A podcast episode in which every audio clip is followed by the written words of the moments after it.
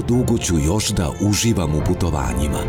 Sve dok ima večeri za provod sa voljenima i zimskih čarolija u kojima možemo da uživamo. Za više bezbrižnih putovanja probajte OMV Max Motion Diesel. Produžava životni vek motora. OMV Energija za bolji život.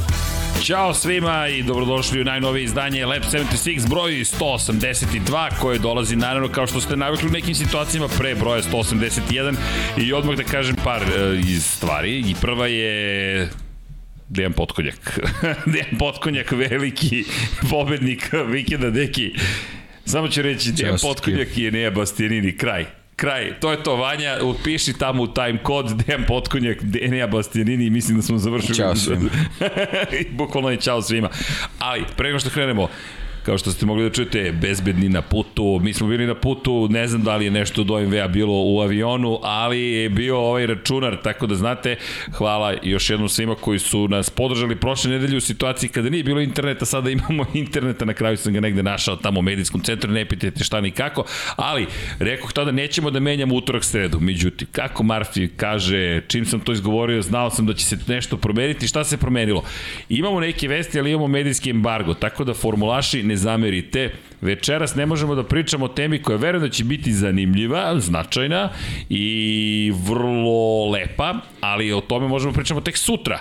I onda smo se dogovorili, pošto je bila trka i neko je pitao, pa bila je trka Moto Grand Prix, što ne bismo utorak pričali o Moto Grand Prix. Rekli smo, ajde da ne menjamo termin, ipak da formula bude utorkom Moto Grand Prix sredom, međutim.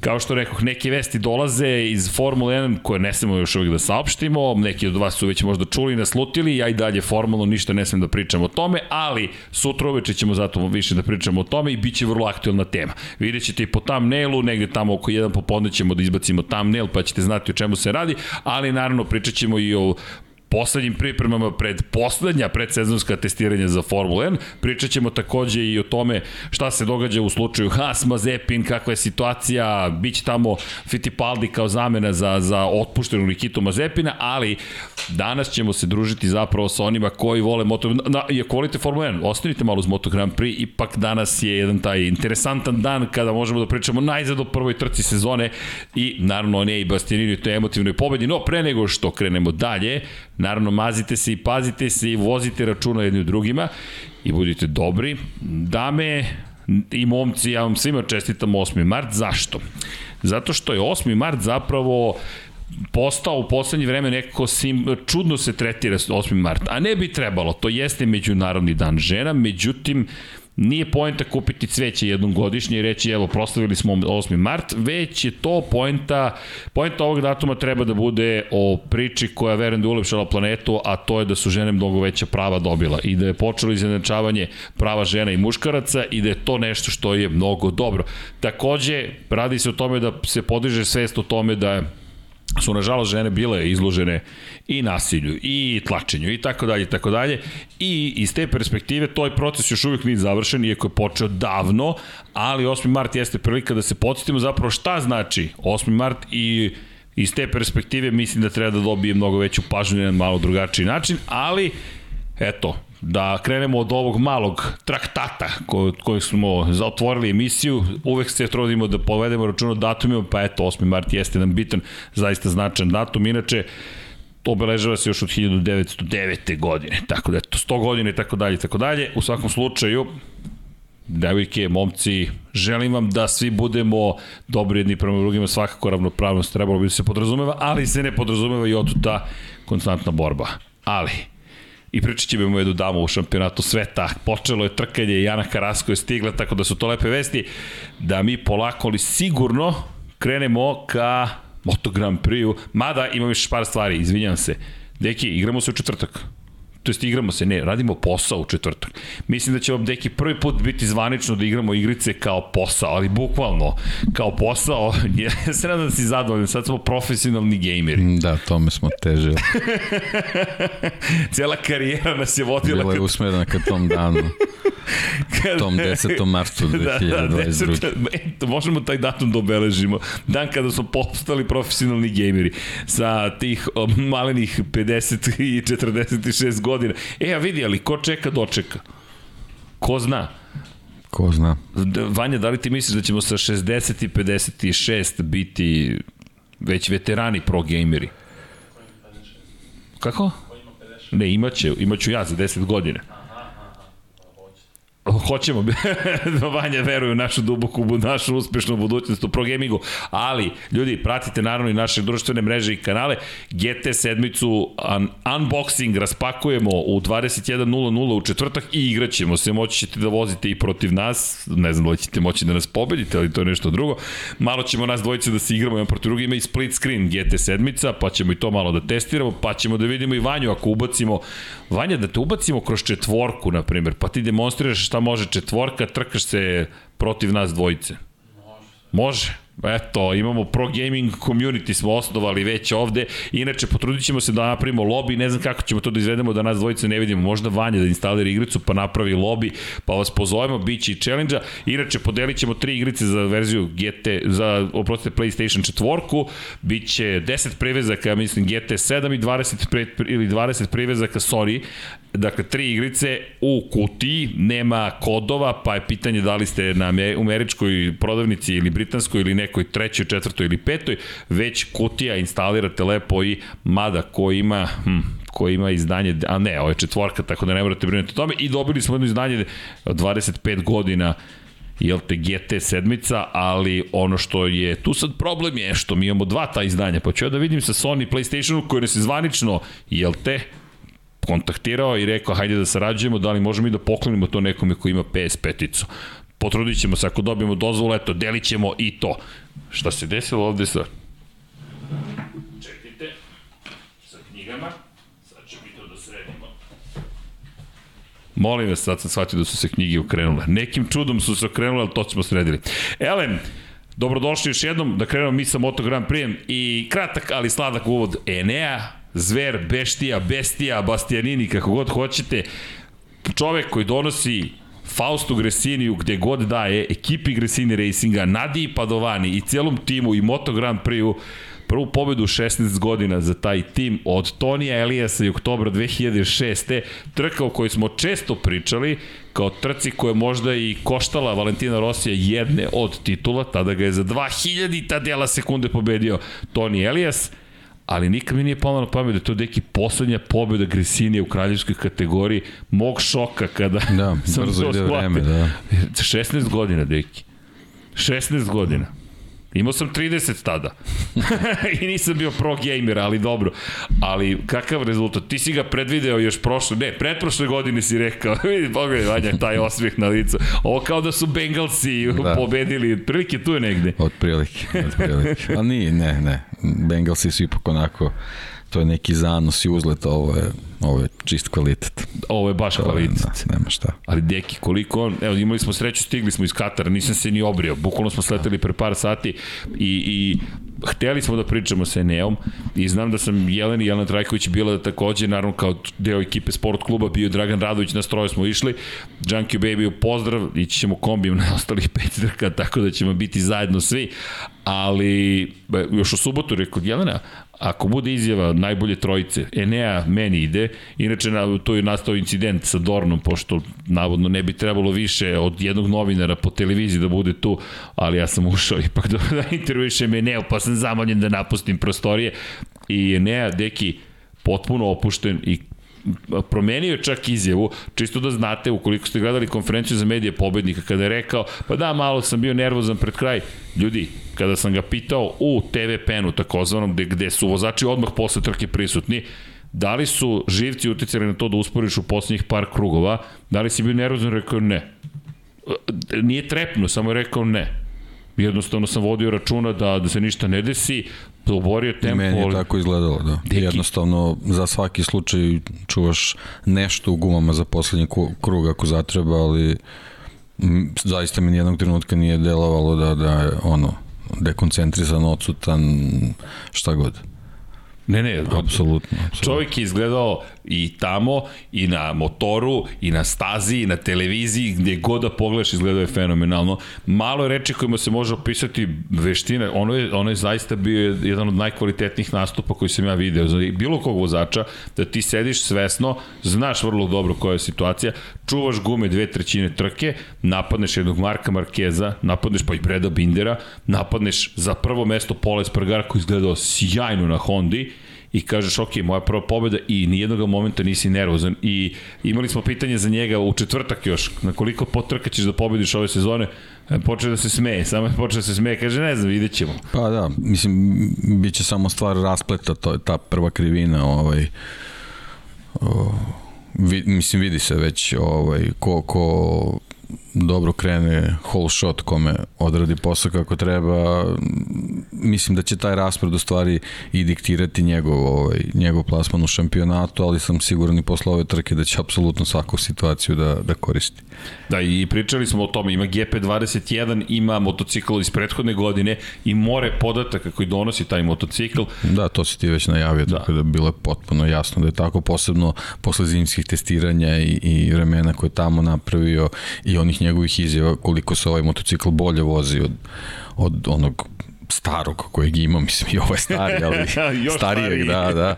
Tako da, mislim, sve se složilo i, i, i jednostavno i, i čitav taj start i, i njegova pozicija od početka jednostavno sve je vodilo ka tome da će tako nešto da se desi. A pazi, na poziciji broj 2 Pole Spargaro, preporođeni Pole Spargaro na potpuno novoj Hondi I zapravo na drugom mjestu, prostite, Brad Binder na KTM-u i prep... O, drago je Stanišić, hvala. Evo je ne Bastianini, i to su ti krugovi, ali pogledajte krugove zapravo od 13. do 17. kruga, kako je to funkcionisalo. 54, 4, 8, 4, 7, 4, 6, 4, 5, 4, 3 i to je najbrži krug ikada na stazi Lusail, za one koji eventualno nisu pratili prenose, od prošle godine su promenili Losail u Lusail, samo prevod sa arapskog je promenjen i momak koji je potom vozio 54.7 i onda oborio tempo. I kada se, ako se pitate da li zaista bio nervozan, nemam odgovor i kroz vremena. Deki, ovo je pa ne, deo Da, i taj 17. krug pokazuje, mislim, upravo je njegova vrednost u tome što je to motocikl koji je već bio na toj stazi.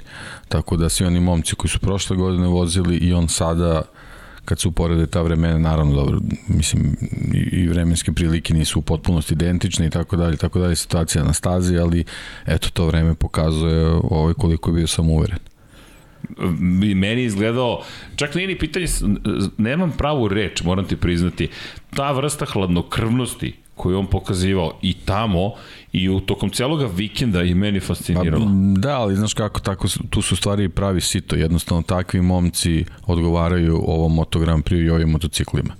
Znači nema, nema vatre, nema divljaštva, jednostavno u svakom trenutku moraš da, da pratiš situaciju, da znaš šta radiš, da, da slediš taktiku, nema odstupanja. Svako odstupanje je vodi ka, ka lošoj poziciji, padu ili ne znam šta već. Ali baš si lepo rekao i to je bilo pitanje za njega, jesi još uvek beštija? Da, inače zapravo reči Ma beštija. dobro, on je beštijanini, tako da to je izvedeno iz toga, ali, ali ne, apsolutno ne. Ne, nije, ne. ne. ne.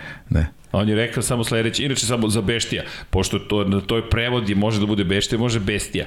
Postale sad, čudno je to reći na 8. mart, ali zapravo se u srpskom jeziku smatra da je beštija zla žena. I kada se kaže beštija, ne, prvi prevod je zver i može bestija, može beštija. Na italijanskom kažu bestija, smeo se kada smo mu rekli da, da, da je beštija, kao bestija, ja kažem, to je kod nas beštija, kao okej, okay. I, i sme se čovek, ali jeste da od Bastianini, Bestijanini, ba, bestija. Da, da. Ja ga pitam, jesi još uvek zver? Kaže, ne. Kaže ne, to samo po potrebi. Ako mi baš zatreba da negde budem agresivan i to je to, spomenuo sam to, ali moram da spomenem sad kada si ti tu, rekao, e ne, ja samo da znaš, jedan naš kolega je rekao za, za tvoj Anu da je šampionski, on kaže, je, je, je, je, je, je second race. Je. Ma da, ba, ne, ali, razumemo se, sve, nije ali, problem. Deki, ali pročito si mu glav, ali njegova svest, on nije ni, ali znaš da me proverio, ja rekao, vidi, ja divim se o tvojoj brzini odavno, od kada? Pošto verovatno mu to svako kaže sada kada je stigao u Moto Grand Prix. Pa rekao, pamtim tvoj trke još iz 2016. i onda smo pričali o Mizanu, njegovi pobedi, on kao, a okej, okay, nisi onaj foler koji je sad došao da me ubeđuje kako sam sada zanimljiv, za, ne, ali, ali, ali me testirao, rekao, okej, okay, ne, nema problema. I onda smo nastavili razgovor, bilo, bilo je super, naravno, profesionalno i simpatično, ali čovek koji nijednog momenta nije bio nervozan, bio ekstremno ljubozan i provodio je vreme svakoga dana analizirajući podatke. Baš se ozbiljno pripremao u skladu sa onim što si rekao i tu nema zveri. To dobro zvuči zver. Ljudi, on je proračunat od početka do kraja na jedan najlepši mogući sportski način i ne da je zaslužio pobedu, nego sve što se desilo tokom vikenda, a bilo je baš emotivno zasluženo. Pa i to i ako okrenemo tu neku tehničku stranu, ako poredimo s Formulom 1, znači ja sam već, već rekao ne, neki moj utisak, znači oni Mercedesi iz 2020. su ono ultimativni bolidi Formule 1 i isto tako mislim da su Ducati iz prošle sezone jedno, jedno savršenstvo za sada koje ovaj koje kad, kad se koristi na pravi način jednostavno može da pruža, da pruža maksimum, to je otključao Peko u finišu prošle sezone, a Ene je to samo pratio i evo već su, već su primenili na, na prvoj trci i što se njih tiče plan za ovu godinu je ispunjen. Sad, ovaj, sad je nebo granica samo. Ali, ali bukvalno si lepo rekao, da. plan je ispunjen i mada smo se našavili posle trke, rekao, došli i rekao, sad sam ti rekao, imamo i snimak pre, jer da, moram pohvaliti Dragana.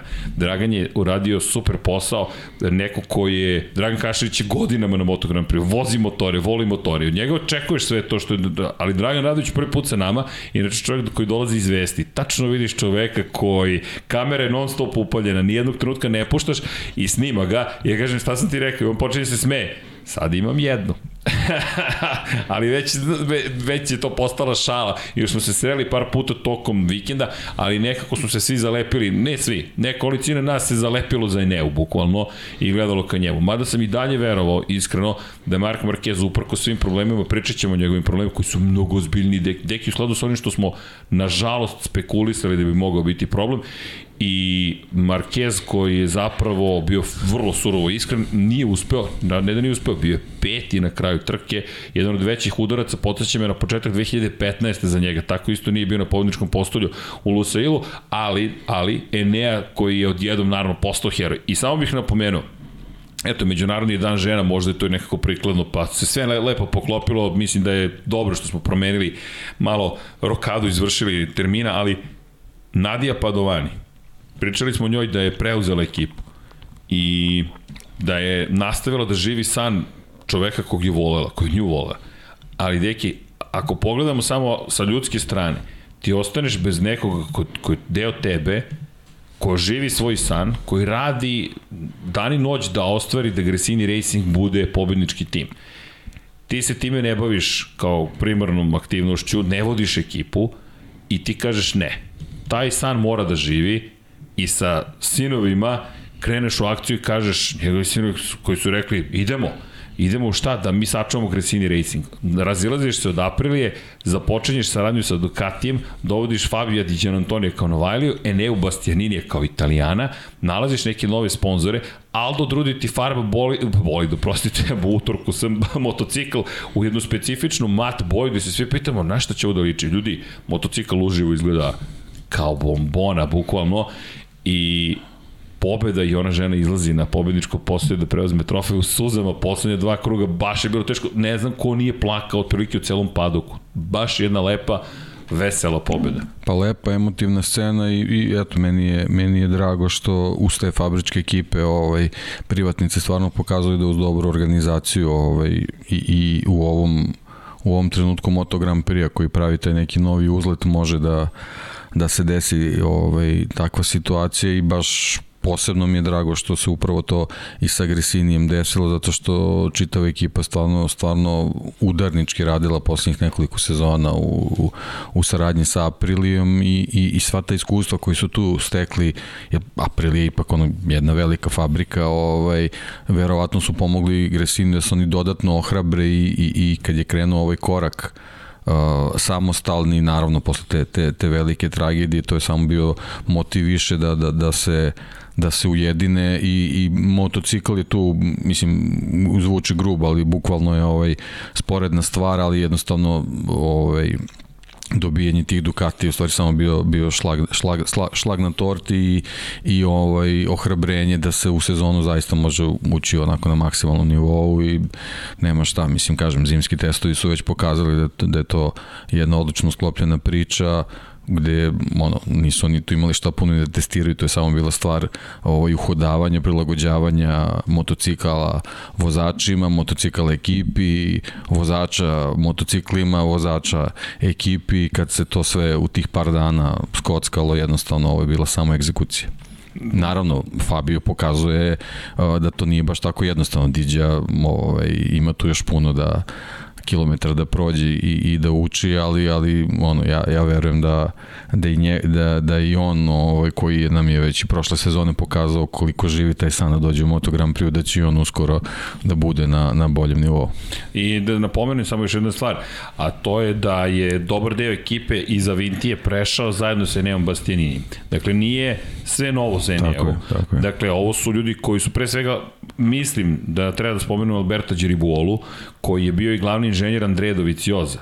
Dakle, mi sada govorimo o čoveku koji je radio sa jednim od najpreciznijih vozača, koji sada radi sa jednim od opet najpreciznijih vozača, jer ovo je postao precizan vozač. Ovo nije nikakav divljak koji je odjednom uleteo. To što taj Ducati izgleda brzo i moćno, jeste, to je lepota upravo spoj vozača i, i mašine, ali je Nea Bastianini je ultra precizan. Da, ja se samo, samo se plašim ovaj, čisto za zdravlje Ducatija da ne bude ovo sezona gde će Nea Bastianini pokazati stvari kako je taj Ducati treba prošle godine da se vozi to mislim da neće biti dobra poruka vozačima. A I, doći ćemo i do njih. Doći ćemo i do njih, moramo da ispoštujemo dvoj, drugoplasiranog, trećeplasiranog, ali to je jedna od najvećih priča zapravo iz Katara, stanje u Ducatiju i to ono što smo pričali da, da se pribojavamo opet nekako da će napraviti naj kompletniji motocikl i da opet neće imati čoveka koji može da ga dovede do šampionske titule. Ali, Brad Binder i KTM na poziciji 2, deki, ja nemam nikakav komentar. Potpuno zbunjujuća jedna ekipa, došli su svi, bukvalno su govorili KTM je u problemima. Nema osobe s kojom sam pričao koja nije rekla KTM je u problemima, jedino što su vozači, pogotovo Binder bio optimističan, koji rekao, ljudi, mi smo nešto sredili I evo pogleda na krugove, hvala, hvala Dragoju Stanišiću na, na krugovima. Nije idealno. Pa da, sad ste kažem, ništa impresivno. Da. Ništa impresivno, znači jednostavno vozač je taj koji je taj KTM dovezao do, do tog rezultata i to je, to, to je ono što si ti pričao, mislim definitivno ovaj Brad poseduje taj kvalitet, posebno ta, ta, ta nedelja je za njega nešto nešto tu Sanje. postoji, ta neka neverovatna energija se, se tu javlja i eto što se njega tiče, znači samo, samo taj vikend do, do trke kad bi bio malo bolji i, i Breda bi čest, češće imali na novim pozicijama, ali jednostavno ostali vozači u stvari pokazuju gde, gde je taj motocikl i dalje.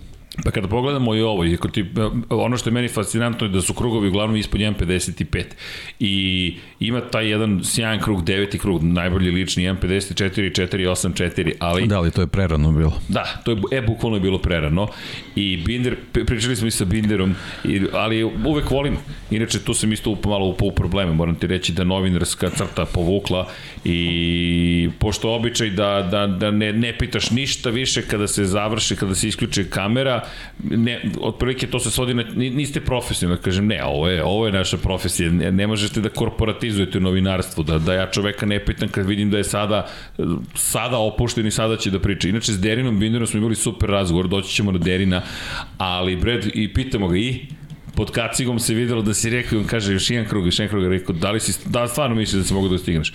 Kaže ne. Kaže ne, ne, ne, jednostavno možda da je guma bila istrošenija kod njega, ali nijednog momenta nije ni pomislio da zaista je mogao. Mada je pomislio možda još krug pa nešto, ali... Pa da, ali opet ono, vraćamo se taj gest e, Bastianinija koji se pripremao da, da odbije taj eventualni, ali tako jedini je. mogući udar Bredov nije se ni desilo, ali mislim da je Nea bio spreman za to, tako da bilo bi jako, jako teško i, i prevelika je razlika bila. Jeste. To je, mislim, stvarno zvuči onako ovaj, da nije tako, ali, ali tih ta desetinka dve viška ovo, jednostavno pravi, pravi ogromnu razliku. Ne, baš je bio pod kontrolom. Ono što je za KTM sada opet nepoznanica. Ovo je najgora staza bila prošle godine za KTM. Za Ducati znali smo da, da će Lusail da im odgovara. Ovde je 10 pobjeda ima Yamaha, sada 6 pobjeda ima Ducati, 3 pobjeda ima Honda. Niko drugi nije pobeđivao. I očekivati od jednom KTM na, na stazi na kojoj je bio najlošiji prošle godine će biti spektakularan su bila minimalna. Niko nije očekivao na KTM na pobedničkom postoju. Tako da, ono što KTM sada ne zna, da li je ovaj motocikl, kao što si rekao, da li je ovo vozač zapravo bio raspoložen, ta energija, lepo si rekao, nedeljom, je donela rezultat ili ne, nema niko predstavu. Pa problem je što, mislim, ovo više treba da bude kao neki zaključak priče, ali mislim da je glavni problem što ova trka u Kataru godinom unazad nam ništa na kraju ne pokaže. Mislim, čekamo i naravno sa da, ne, ushićenjem, počinje sezone i tako dalje, tako dalje, ali ona nije u stvari pravi početak sezone. Neće, nažalost, biti ni sledeća. To su dve trke ovaj, koji su onako potpuno van nekih klasičnih šablona i tek tamo negde od treće, četvrte trke u stvari moći ćemo da dobijemo prave, prave odnose snaga. Da, možda i to trebalo da bude uvod, ali nekako da. previ, previše da, emocija, da, ne, baš da, mora da, da bude prvi, ali da. činjenica, ajmo blagi reset, mikro reset, a to je ovo je staza na kojoj nije testirano ove godine. Prvi put u, u godinama unazad da nismo išli pre početka sezone u Katar da testiramo i ovo je bilo zanimljivo vidjeti ko ima podatke, nema podatke, ko će se kako snaći u toj situaciji. Oni koji koriste stare motocikle, malo ih je, imali su podatke i da ubacimo u celu priču činjenice da je Bastianini jedini iskusan vozač koji ima prošlogodišnju verziju motocikla. Od svih motora na stazi, 24 ih ima, Bastianini ima prošlogodišnji, Marko Beceki koji je Novajlija ima prošlogodišnji, Marko Beceki koji je u VR46 ekipi, Fabio Di Antonio koji je klubski kolega i Nejbastinin ima takođe GP 21, to su trojica momaka koji su na starom Ducatiju i imate Derina Bindera koji se nalazi na prošlogodišnjoj da. verziji Yamahe. I to je to. Dakle, samo četiri vozača su imala prošlogodišnje podatke, od ta četiri vozača samo jedan ima više od jedne, ima trku uopšte u karijeri u Moto Grand Prix, to je celu sezonu i još je pride svetski šampion Moto 2 kategorije od pre dve sezone, to jest Enea Bastianini. Tako da, to takođe treba uzeti u obzir i kada stignemo u Mandaliku, opet anomalija zašto? Tamo su svi testirali. Tako da je to opet staza na kojoj malo drugačije dolaze pripremljeni, kao što je Katar bio prethodnih godina i lepo si rekao, tek kada se to završi, zaokruži taj deo sezone, možda ćemo početi da dobijemo informacije. A i pitanje dalje i Kota opet pravi pokazatelj, pošto ćemo tamo opet verovatno imati Markezov show. Pa da, i, i asfalt, i Novi čitava asfalt, priča, drugi period godine kad se vozi i tako dalje, tako dalje, tako da eto, te prve tri, te trke će nam bukvalno biti anomalije, kao što si rekao, tako da, ono, što se nas tiče, trebamo samo da sednemo i uživamo u trkama, a, a da dobijemo neke prave odnose snaga teško. Ono što možemo da zaključimo i rekao bih, izvinjam se, na osnovu već i Pola Espargara, Honda je napravila ozbiljan motocikl. To smo negde mogli da naslutimo, međutim, ona, ono, ono što je prikazao Paul Espargaro i došao do pobjedničkog postoja na gotovo lak način je fascinantno, zaista. Ja, pa ništa, izlaću ovaj, ovo sad što budem rekao, a već sam rekao, izlaću dosta puta da ponovim ove sezone. Anomalija. Nešto ne. je anomalija. Uh, Honda više nije divlja. I vozači koji odgovaraju današnji Moto Grand Prix će se više snaći na tim motociklima koji nisu divlji. Trebaju da budu snažni, ali ne da budu divlji. Ovaj, tako da Honda koja je odgovarala Marku Markezu, očigledno više ne, ne postoji, postoji na taj način. Sad je i što se njega tiče ovaj, stvar prilagođavanja, ali ovo je bila praktično prva trka u tim realnim uslovima da i on mogu da uvidi šta tu sve treba da, da funkcioniše, na koji način da bi on mogao u određenim fazama trke da da isporuči ono što je, što je dogovoreno. Ono što je meni fascinantno bilo kada se pogleda upravo ovo, krugovi, deki, ovo je već Ovo je već prilično ravna jedna crta, sve do tog momenta kada pravi grešku, kada ga Bastianini... Dobro, da, to je, mislim, bila greška koja, ono, jednostavno, u tom trenutku bilo kockanje, on je morao nekako drži priključak. I jedino to kasno, kasno kočanje moglo da... Jest. Ali, jednostavno, prednji kraj se zakucao i, i to je nešto što moraju, moraće na tome da porade. Da, inače, da prednji porade, kraj da. im je problematičan. Pa, da. Vidi se, vidi, vidi se, vidi, vidi se. se to je I, to, I to im da, nedostaje. Da. Ono što Ali je... dobro, to je stvar koja može tokom sezone da se da se ispravi. Radiš na tome, da, ovo je da, potpuno da, nov da. motocikl.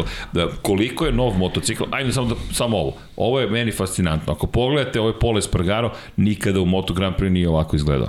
I još je ovo na vodećoj poziciji, dakle njemu niko nije diktirao tempo pa on nekoga pratio, a ima nekoliko krugova, čak 3, 1.54,5. Dakle, u devetom krugu, u 11. krugu, u 13. krugu, 1.54.570, 1.54.534, to mu je najbrži krug bio trke, i 1.54.559 u 13. krugu. To je meni fascinantno. A padovi su mu ka 1.54.7, 1.54.6. Najsporiji krug koji je imao u tom periodu je 1.54.9 koji je bio sedmi krug sjajno je odradio posao i čuvao je gume za kraj, napravio tu grešku, ok, više od toga nije mogao, ali, mada, čuvao. I nije ih sačuvao kako je trebalo da ih čuva. Rekao je, sam je priznao Poles Pragaru, rekao, inače Brad Binder koji je rekao da je sve funkcionisalo kako treba. Dakle, on je prosto odradio svoju strategiju najbolje što je mogao, nije mogao da pobedi Bastianini i to je to. Ali, Pol je rekao, taktika je bila da sedim i da pratim i da čekam i da čekam i da čekam i došao je do toga da zapravo ne da nije čekao nego je napao kada je poveo. Pa da, moraju i to, to ove tabele maksimalnih brzina pokazuju. Pole Spargaro je bio za 10 km na sat sporiji od od Bastianinija i Mir, ajde doći ćemo i do njega, ovaj, tako da Zanimljiv, to je, da. to je, eto, to je u stvari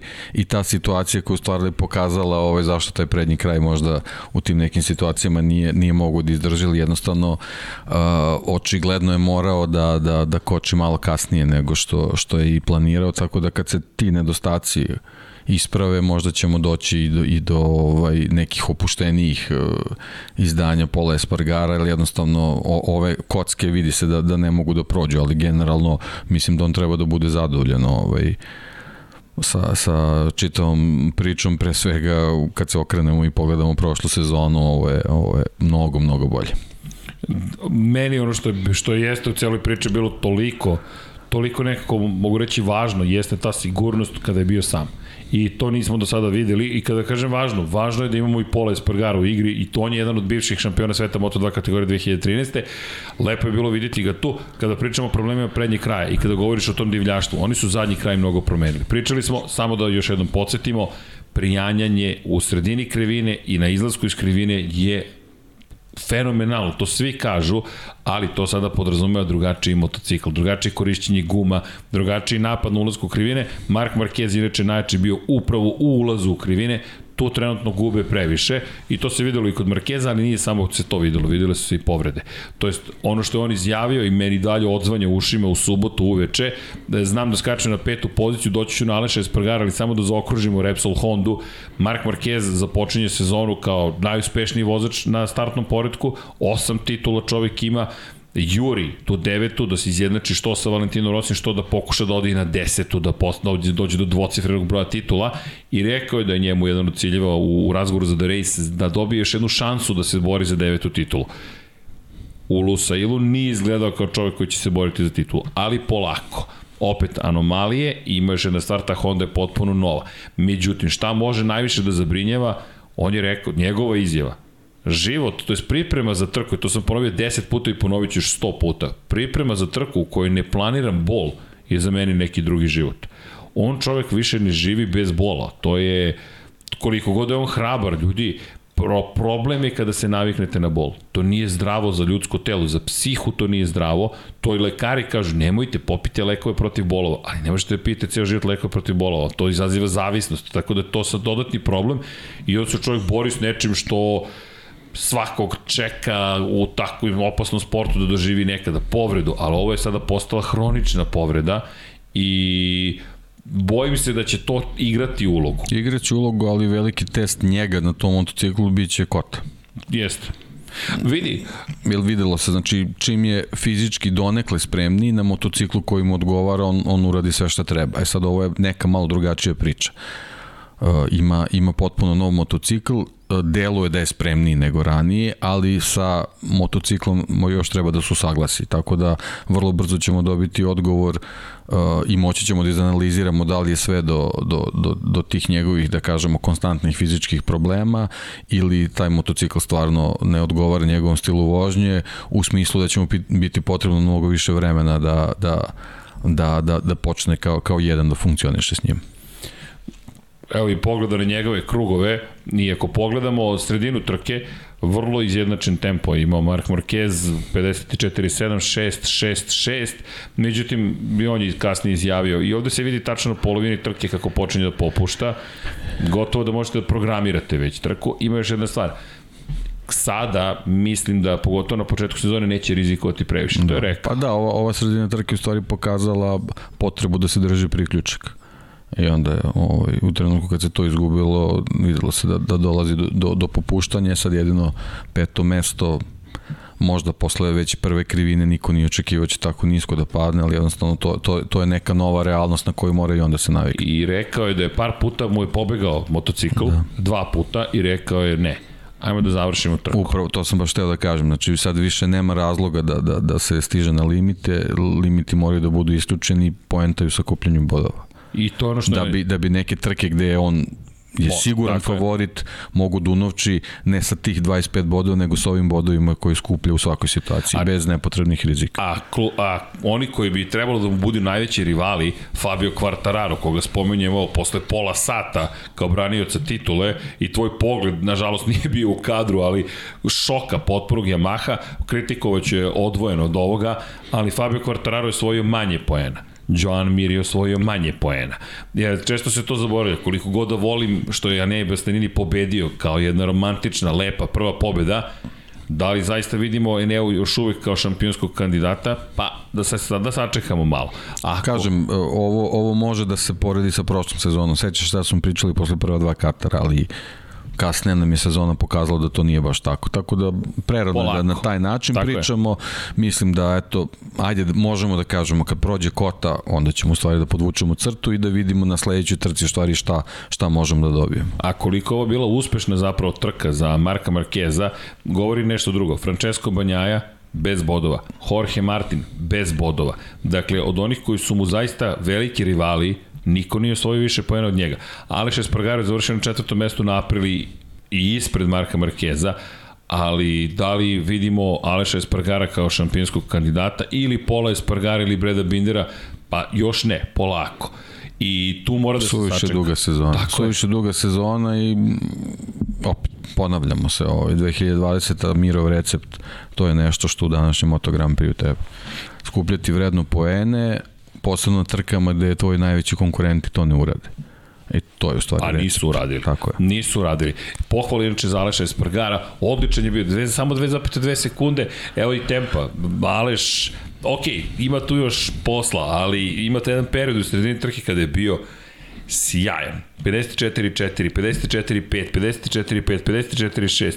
Aprilia je držala rekord staze dosta dugo do Bastianinivog zapravo kruga pred kraj trke i videlo se Aprilia da izgleda odlično u njegovim rukama, ne u rukama Maverika Vinjalesa, potpuno nov motocikl, vidi se izbliza promene na, koje, na kojima su radili, Aleš Espargaro koji je rekao, ej, siguran sam sad, sad prvi put se osjećam da imam najbolji motocikl od svih.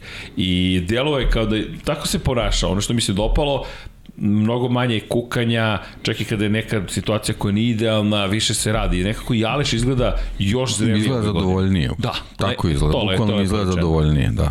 Ali tačno da. se vidi u njegovom ponašanju da i Pol Espargaro, Pol koji je to smo baš prediskutovali Jelene, Jelena kaže kukao je prošle godine na kraju godine u Valenciji, bukvalno je njoj kukao. Pa braće su poznate pod, pod tim ovaj, dodatnim rečanicama, da. kako mogu tako da kažem, ali sad mi stvarno mi jedan i drugi deluju mnogo zadovoljnije, na licu se vidi da su opušteni yes. i to se odmah, odmah vidi u, u, u izdanjima. I, I sjajan je bio, mislim da je veliki moment za njega da pretekne Marka Markeza na Hondi utrci.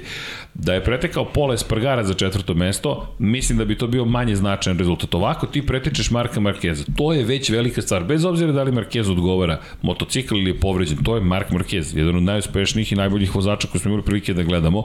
Čovek je jednostavno pobedio Marka Markeza. Aleš Espargaro za to zaslužuje ogromne čestitke. Inače, čestitke Čekaj, Đulijeta se rodila, da čestitamo mami i tati Rossi na rođenju čerkice Đulijeta Rossi, da li znaš da odmah sam dobio šalu, odmah mi piše druga Alfa Romeo, rekao da, da li realno, da, i opustite se ljudi, ali dobro, to nekako da. ne može, ne može da pobegne od toga, ali divne vesti i moram ti reći da je bila nevjerojatna simbolika, prvi put da nema Valentina Rossi od 1995. zapravo, 96. debitovao i kažeš, četvrti je Mart 2022. Glavna vest rodila se Giulietta Rossi. Ok, pobedio si, ok. Dakle, no, ali mi je simpatično bilo što nova era počinje upravo rođenjem Čerkice i pričat ćemo o moto dvojkama, moto trojkama. Enea Bastini koji je nekada bio član VR46 Akademije, više nije i to je njegov svestan izbor bio da ne bude član Akademije. Pričat ćemo o tome zašto je to izabrao, ali takođe je nekako bilo baš romantično gotovo da se Julieta rodila, eto, četvrtog i rekao, ok, nova era neka počne, pa i sama činjenica da, da ne elementiramo što nema Valentina Rosija, već krenuli smo odmah sa Eneom, sa trkama, sa Nadijom, sa Gresinijem, sa situacijom, sa, sa analizama, govori u kakvom kakvom je stanju zapravo Moto Grand Prix. I ono što si lepo rekao, ajmo da uživamo u trkama, pogotovo sada. Ali, idemo naravno kroz, kroz raspored, pošto je to prva trka, moramo tako da idemo i kada pričamo o rezultatima, šesta pozicija, Joan Mir, sedma pozicija, Alex Rins. Suzukijevci, i, i dalje mi je ovo podbačaj, posle svega što smo videli, ne kažem da je ovo loše, ali kako su kako se je sve izgledalo i šta sam očekivao, mislim da su mogli više. Međutim, Suzuki dalje dosta obećava po pitanju maksimalne brzine pogotovo i Mir je bio relativno blizu Marka Markeza. Ali, deki, kakav je tvoj utisak kada se sve sabere i oduzme ova šesta, sedma pozicija?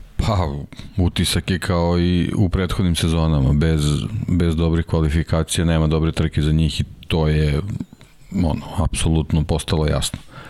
Moraju nešto da, da, da urade po tom pitanju, znači oni, oni ovaj, na startu trke moraju u prvom krugu da se probiju do neke pete, šeste pozicije da bi mogli u, u nekoj kasnijoj fazi da, da, da na, način kako to je kako je to Bastianini radio ovaj u Kataru da, da, da i oni sprovedu tu egzekuciju, ali, ali to neko zaglavljivanje ovaj, ne mogu sad da kažem u sredini kolone, ali, ali u tom nekom donjem domu prve polovine ovaj, karavana jednostavno ne, ne može jednostavno Suzuki da, da funkcioniše na taj način, da vidimo ovaj, da, su, da su debelo popravili tu maksimalnu brzinu, da ono što smo pričali da, da, taj, da je taj motocikl dobio na snazi, to je definitivno tako, samo što nedostaju sad ti elementi da, da, da ta priča bude uravnotežena plus maksimalna brzina da bi ovaj o, vozači mogli da dobiju priliku da se bore za, za podijum i, i za pobedu. Ovako, na ovaj način, sa, sa, sa ovakvim kvalifikacijama, jednostavno ne može tako da funkcioniše.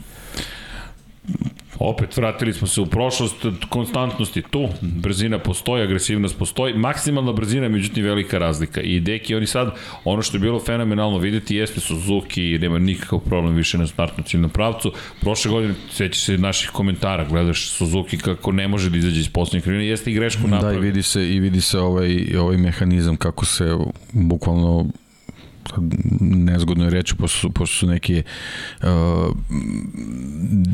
hiljaditinke verovatno u pitanju, ali, ali ovaj, savršeno se sklapa i zaista moćno deluje motocikl kad, kad izađe na startnim pravac, je kad se ispravi iz krivine, stvarno su ozbiljan posao radili po tom pitanju, sad zašto sad ovi, zašto su još neki drugi elementi zakazali u, u, u potrebama da se vozi taj neki dobar krug, posebno u subotu, sad ne znam, to je sad više njima stvar analize, ali jednostavno sad su sklopili, sklopili, sklopili su konkretnu priču i, i što se tiče ljudstva, tako da sad izgora više nema i eto na njima je da u ove tri da ih nazovemo trke anomalije ovaj, reše sve što treba da bi u četvrte trke definitivno bili ovaj, konkurenti za sam vrh. Meni su prevarili, meni su izgledali već u, u, u četvrtak, prema što smo počeli izgledali moćno, u petak to potrudili. Ne, oni su sve vreme izgledali dobro, ali nešto je tu nedostajalo da, da, da, da se nađu u tom samom vrhu.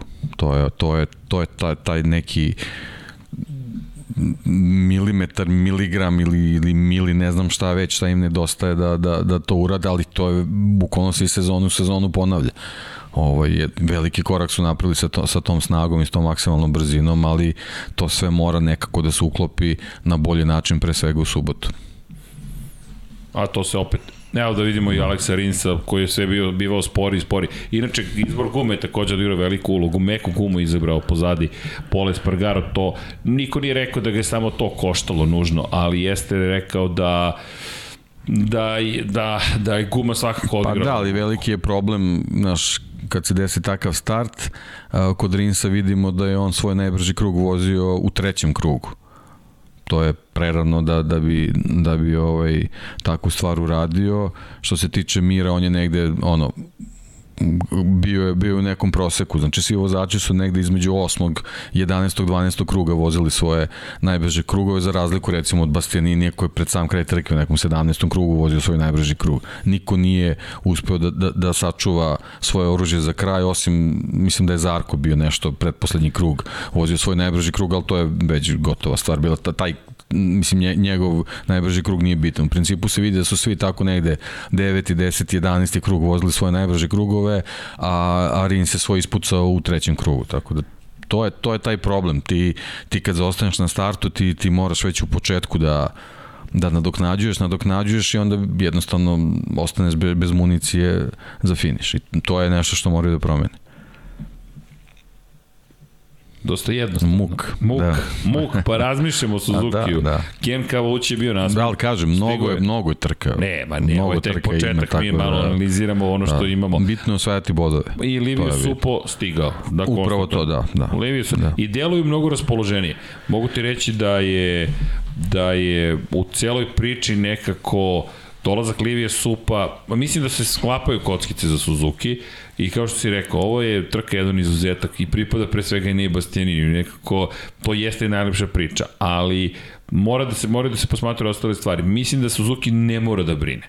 Iskreno, to je moj utisak na osnovu onoga što sam video tamo, čuo, oni su raspoloženi, Livio Supo je dosta direktan, kod njega nema mnogo uvijanja, da, nema Ima šale, ali pa vidi, nema ja sam siguran da su svi briefinzi već završeni i sad već je na fabrici da, da, da. da radi dalje. Ne, nema, nema tu nekog bespotrebnog obrazlaganja, neke, neke dugačke priče i ono što je važnije, mislim, to važi za sve ekipe, ne samo za Suzuki, ovaj, bez obzira koliko god je ovaj, ova staza anomalija, a, suviše je poznata već svima, tako da u principu mogu lako da zaključe šta je element koji treba da se, da se dodatno razvija ili je, ili je neki na svom maksimumu ili tako dalje. A pazi, Rins je završio trku. Dakle, to je veoma pozitivno. Rins, nažalost, počeo da pada previše u poslednje vreme, završio trku. To je jedna od važnijih stvari. Možda to deluje kao sitnica, nije sitnica.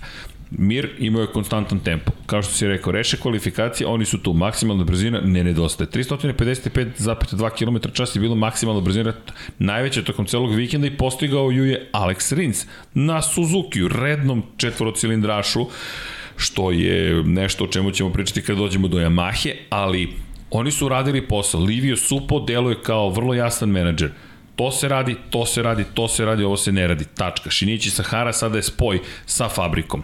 Inače, kada pričamo o tome, Honda mi deluje kao tim koji, Repsol Honda, koji zna šta hoće i dobio ono što je želeo. I mislim da tu samo da, da, da ne pobegnemo nekako, Pole Spargaro je dao važnu izjavu. Honda sada više nema vozača samo jedan. Ima dva kvalitetna vozača i tome je dosta, na tome je potencijirao Pole Spargaro, da naravno i da i njemu isteče ugovor na kraju sezone. Ali ne samo iz te perspektive, već je jasno da je cilj već sada postignut. Honda ima vozača još jednog koji može da upotrebi motocikl kako treba. To su i želeli. Da. To su želeli. Cijela filozofija motocikla promenjena s tim ciljem. Tako i ako pričamo o ekipama, ovaj, i, i ako smo nekako sad Honda i Suzuki spojili u toj priči o, o toj nekoj samouverenosti, najvažniji podatak je bez obzira što, što nisu ovaj, stigli do pobede da, da u prvih deset samo Repsol Honda i Suzuki Ekstar imaju dvojicu vozača. Da. Mislim Samo. da je to vrlo, vrlo važan podatak. I koji je jedini tim koji nema ni jedan poen, čisto da dodam u celu priču, Ducati fabrički Lenovo, Ducati tim, to je jedini tim od 12 timova koji nije osvojio tokom ovog vikenda. Ma nije to, nego nijedan vozač nije, mislim, ne, nijedan, obojica vozača nisu završili trku. I, I to je, to je zastrašujući kont, na stazi, kontrast. Na stazi gde trebaš da vladaš. Na, bukvalno gde treba da vladaš i gde si došao da kažeš, ej, nova era počinje, ovo je Ducatijeva era. Ali Suzuki zato bih štiklirao i rekao, ljudi, Suzuki je u dobroj formi. Honda je u dobroj formi. Honda, s obzirom na činjenicu da mnogo promenila motocikl, ovo je za nju sjajan uspeh, treća, peta pozicija. Navikli smo pobjede, prvo, drugo mesto i tako dalje, ali Binder u svom elementu, to nije dalje KTM, gde bih ja rekao KTM nema o čemu da Binder je anomalija. Da, Binder je, pa jeste. Vidi, Francesco Guidotti je tamo stigao kao menadžer ekipe i videlo se da Guidotti zaista radi na tome. E, mislim da će Guidotti imati težak posao. Tamo je u, u KTM-u to je nešto što mi se čini, mnogo je jakih ličnosti, ali kako ti pored Pita Bajrera dođeš do izražaja? da ti si Francesco Guidotti, uvek svi gledamo ka Pitu Bajeru. Super je što si ti tu, ali šta kaže Pit Bajer? Da, ali mislim da će Bajer tu da odigra veliku ulogu i da će on u stvari prepustiti ono što to, treba to. da prepusti. Jer on, ja mislim da on dovoljno svestan i Ma velik, ne, ne, ne, nema, on je nema razloga da, da uopšte čovjek, da tako pričamo o tome. I ja mislim da će on, on, kada shvati da on zapravo može da bude problem, da će on reći, ej, ti vodiš, ajmo sada. I, i, ali KTM tu još nije stigao, pogotovo što Miguel Oliveira, opet, to je neki... Nema, pa to je, to je ona klasična priča, nema limita ne smeš da dolaziš na limit i njemu se upravo to i desilo. Desilo se njemu, desilo se Banjaji, jednostavno ne, ne može na taj način da se vozi. Ne, u stvari, ne smiju da se prekoračuju limiti. Zdravo je doći na limit i koristiti ga, ali, ali ne smeš se ići preko njega, jer ovi motocikli to ne praštaju. Ne, ovi motocikli baš to ne praštaju. Ti kada pogledaš, svako ko je to pokušao da učini ima dva problema. Gume, koje ili će te izdati pa ćeš pasti, ili ćeš ih potrošiti pa ćeš ići u rikverc kada dođe kraj trke. Ili, ili kraj. ćeš kao, kao Pole Espargaro da se čupaš da, da izvučeš najbolje iz, iz moguće situacije, ali jednostavno nema prelaska limita.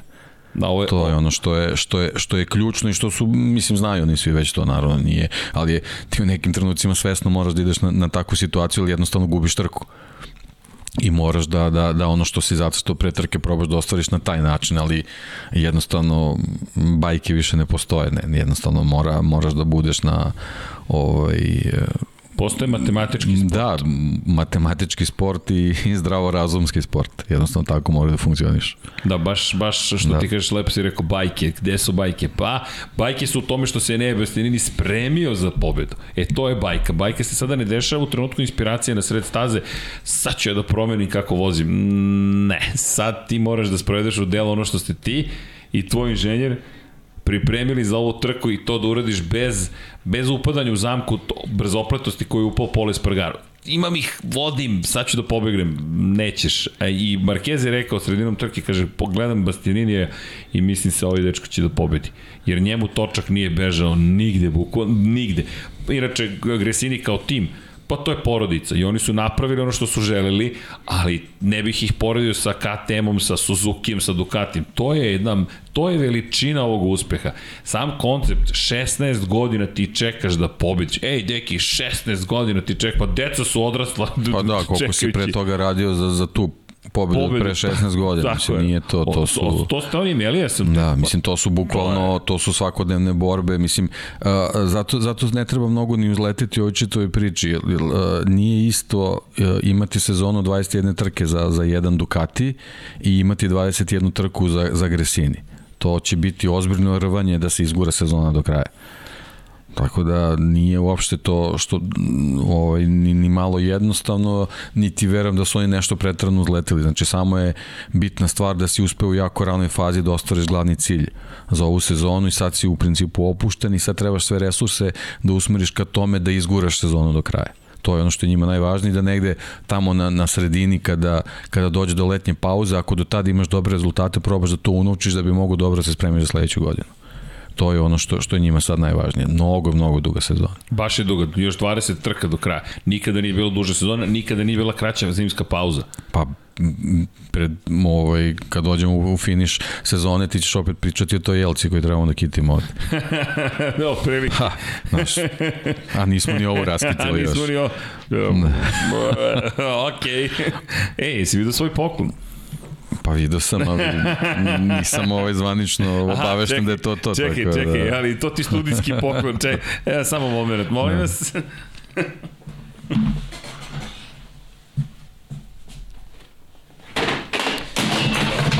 Živo je. Ništa, sve okej. Okay. Hvala. Ne brini, živo je. Vanja će me ubiti. Neki pričaj, neki. Gledam, gledam kutiju samo da vidim šta je ovaj... Negde, okrenuo sam pogrešnu stranu, stvari ovde, ovde trebam da vidim, ali... Aha, 1432 dela mašala. Da, to je nazdravlje, imaće tu da se, da se igri igri. Vidim da ima kišne gume. To je jako zanimljivo. da li je bilo jednostavnije napraviti slikove, ne znam. Ne znam zašto kišne gume, ali dobro. Možda da možemo. Da, ja sad rekao... gledam, gledam setup ovo, da vidim ovo zadnje krilo ne deluje kao da je podešeno za kišne uslove. ali dobro, vidiš. Ali, ali, vidi, ali vidi ovako. Hvala, hvala. Ali vidi, mi smo rešili ovako, pošto se ti baviš akvarijumima. Aha. Ovde napravimo mini voda, testiramo gume za kišu. A, može, može, može. Šta kažeš? Može, može. Tako da, deki, to je za tvoj rođendan da sklapamo jednu specijalnu emisiju sklapanja. I tako. Dobro, izvini Vanja što malo rušim inventar, ali... Ostaje ceo, dobro. Ostaje, do, pa dobro, sad da ne reklamiramo proizvođača, ali... Ne, ne, super, super, odlično. Vidi, ako ne bude radio, rešit ćemo to nekako. Nisam, baterije sam Aha, bacio. Da. Po, pokupio sam ih. Čekaj, Evo. ja ću da probam. Tamo dok je ova slika Tamo, na ekranu. E, da. Da se pozabavimo malo i fotografijama. Ovo je fotografija pobedničkog motocikla. Fotokredit, čekaj, što ovo dobro zvuči? Fotokredit Srđan Erceg. To znači da smo bili na stazi.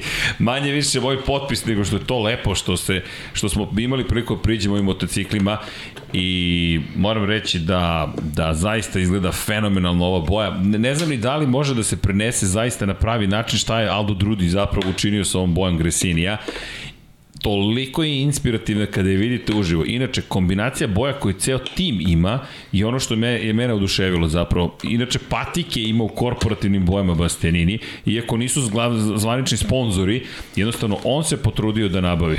Jel živ? To, deki, možemo sad da ih reklamiramo. ready to race u svakom slučaju. KTM je neuništiv. KTM je neuništiv, dakle preživeo je časovnik KTM-u, Vanja je ubacio fotku malo pokrivalica, ali ljudi... Ništa, moramo da nabijemo te patike, znači to je, to, to, to mi je sledeći zadatak, dobro. E, ali vidi, iste boje nabavio patike, pitamo njegovog predstavnika za medije, rekao je ovo korporativno, kaže duga priča. Samo je rekao duga priča, ali su nabavljali specijalno To će biti jedan zadatak ekipe ovaj, Gresini da napravi dobar merchandise izbor za, za sledeće trke. Da, nema ničega, ob, nema Bastianini, deki, bukvalno mi čitaš misli, otišao sam da vidim šta se sve prodaje. Inače, Ducati nema ni jednog svog vozača istaknutog po brojevima, imaš samo Ducati Nemaš banjajne. Ovo je inače pa, ma, dobro, ali opet, opet da pričam malo na Katar. Znači Katar. katastrofa. Nijedan široki kadar nisu smeli da pokažu bukvalno tribine. Nema, očajno, nema, očajno nema nikoga. Pa bukvalno nema nikoga. Tek za trku je došlo par ljudi što ti kažeš nema širokog... Ne, stvarno, stvarno ne razumem, ali mislim bolje znaš kakva su ograničenja i to sve možda i to ima neka zadržka oko toga, ali stvarno je ovo, ne, ne, ne. bilo da... Ne, znaš u čemu je stvar? Da. U Kataru niko ne zna da se to događa apsolutno niko ne zna da je Moto Grand Prix stigao u grad. Dakle, ako bi me pitao šta se događa u Kataru, dve stvari bih ti rekao. Svetsko prvenstvo u futbolu i radovi na putu. To je ne putu, gra, oni bukvalno grade Dohu u ovom trenutku. Do septembra imaju rok da završe sve za svetsko prvenstvo u futbolu. Kanalizaciju novu sprovode u delu, pošto su prošle godine imali malo jaču kišu, ovo nije šala, ništa loše, ne mislim time. Kiša u, koja u novim prostorima je ha, jedna obična kiša, međutim nije toliko uobičajena. I sada menjaju kompletno kanalizacijni sistem, praktično moraju da srede. Količina ljudi koji se očekuju za svetsko prvenstvo, pogotovo što se što jenjavaju jel te mere zaštite COVID-19, polako se situacija normalizuje i tako dalje, očekuje se toliko ljudi da oni sada bukvalno grade nove gradove. Lusail se gradi, mi trenutno, Lusail, to je bilo ljudi prazna praznina, bukvalno je staza bila u Lusailu i to je to. Sada niče sa svih strana. Da li znaš koliko billboarda smo videli da je Moto Grand Prix u gradu? Dva. Dva. I da, da nismo mi svesni da je Moto Grand Prix tu, niko ne bi znao. Sa koliko ljudi smo razgovarali u hotelu, u gradu, Moto Grand Prix, šta je to? Šta? I onda ona čuvena rečenica, Valentino Rossi, a, Valentino, i samo za njega ja, Pa znaju. dobro, to je, eto, ovo, ovo je dobar uvod za, za, za konstataciju da Moto Grand Prix mora malo više da radi na, na tome, ili ima, ima dobar proizvod, definitivno, ostao je bez, bez čoveka koji izgradio tu čitavu priču, ali oni sad moraju da, da, da se malo voze na tom talasu i da pomognu ovim novim, novim zvezdama da to ovaj, da to ostvare, ali opet sa druge strane te nove zvezde moraju malo da, da, da pomognu i njima. Znači moraju malo više da porade i, i, na, i na svom ličnom marketingu i, i, i generalno zajedno da porade na, na marketingu Moto Grand Prix-a i onda će sve biti ok, ali ovako da se vrate nekih 20 godina unazad gde, će, gde su samo ozbiljni zaljubljenici ovaj, pratili te trke, to mislim da, da nije, nije dobro za Moto Grand Prix zato što stvarno imaju odličnu priču. Sam si rekao, 24 motocikla su bila na, na gridu, čega bukvalno, ajde sad na pre, ne pretaram, ali, ali 15 mo, može u svakom trenutku da konkuriše za pobedu i da, da, da, da ti bude uh, drago kao što je Enea Bastianini pobedio, ali da se ne iznenadiš to i redko koji sportski šampionat može da, da, da ti priušti. Bukvalno bi... I oni moraju, moraju da rade na tome i moraju, moraju da to ovaj, nekako objasne svima. Nisam video da su svesni toga, iskreno. 13 televizijskih stanica je bilo prisutno, što je novi rekord. I rekli su da su oni šokirani zapravo koliko je televizijskih stanica bilo prisutno u Kataru i to je jedan od momenta zašto je bilo dosta stresno, je što nisu navikli da im, čak i Dora nije navikla da ima toliko televizijskih stanica i odjednom ne zna kako da izžonglira kome, kada, šta da da. A stižu nove stanice. Pa dobro, to je proces učenja. Tako je, sve tako okay. je. Uče ne, oni, okay. uče oni, ali jednostavno prazne onako tribine na jednom sportskom, na globalnom sportskom spektaklu i mi je onako ne znam, malo, malo čudno. I Posebno zbog, zbog svega što smo imali prethodne dve godine. I ne samo to, Formula 1 kada je došla, tribine su bile pune atmosfera koju su stvorili Holandjani je bila neverovatna.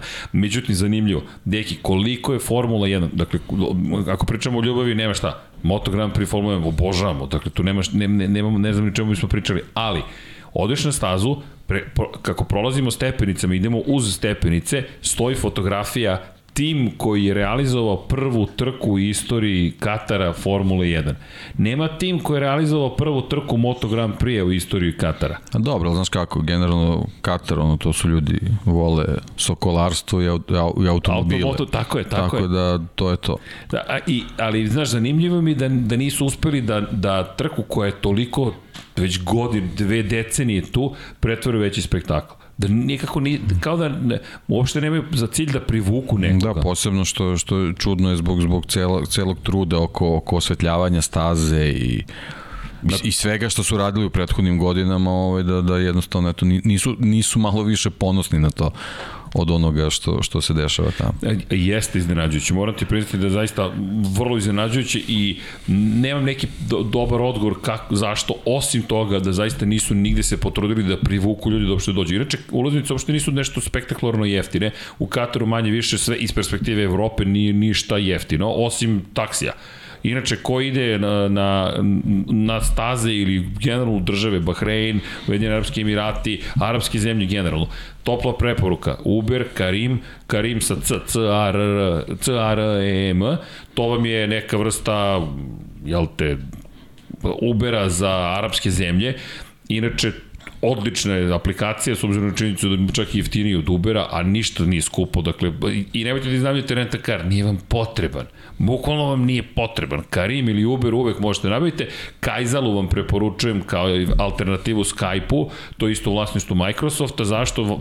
Viber će vam pucati, Whatsapp će pucati ili da stavite neki VPN pa da pokušate se prebaciti na druge servere. To su problemi s kojima smo se suočavali, pa evo nadam se da ćemo nekom pomoći.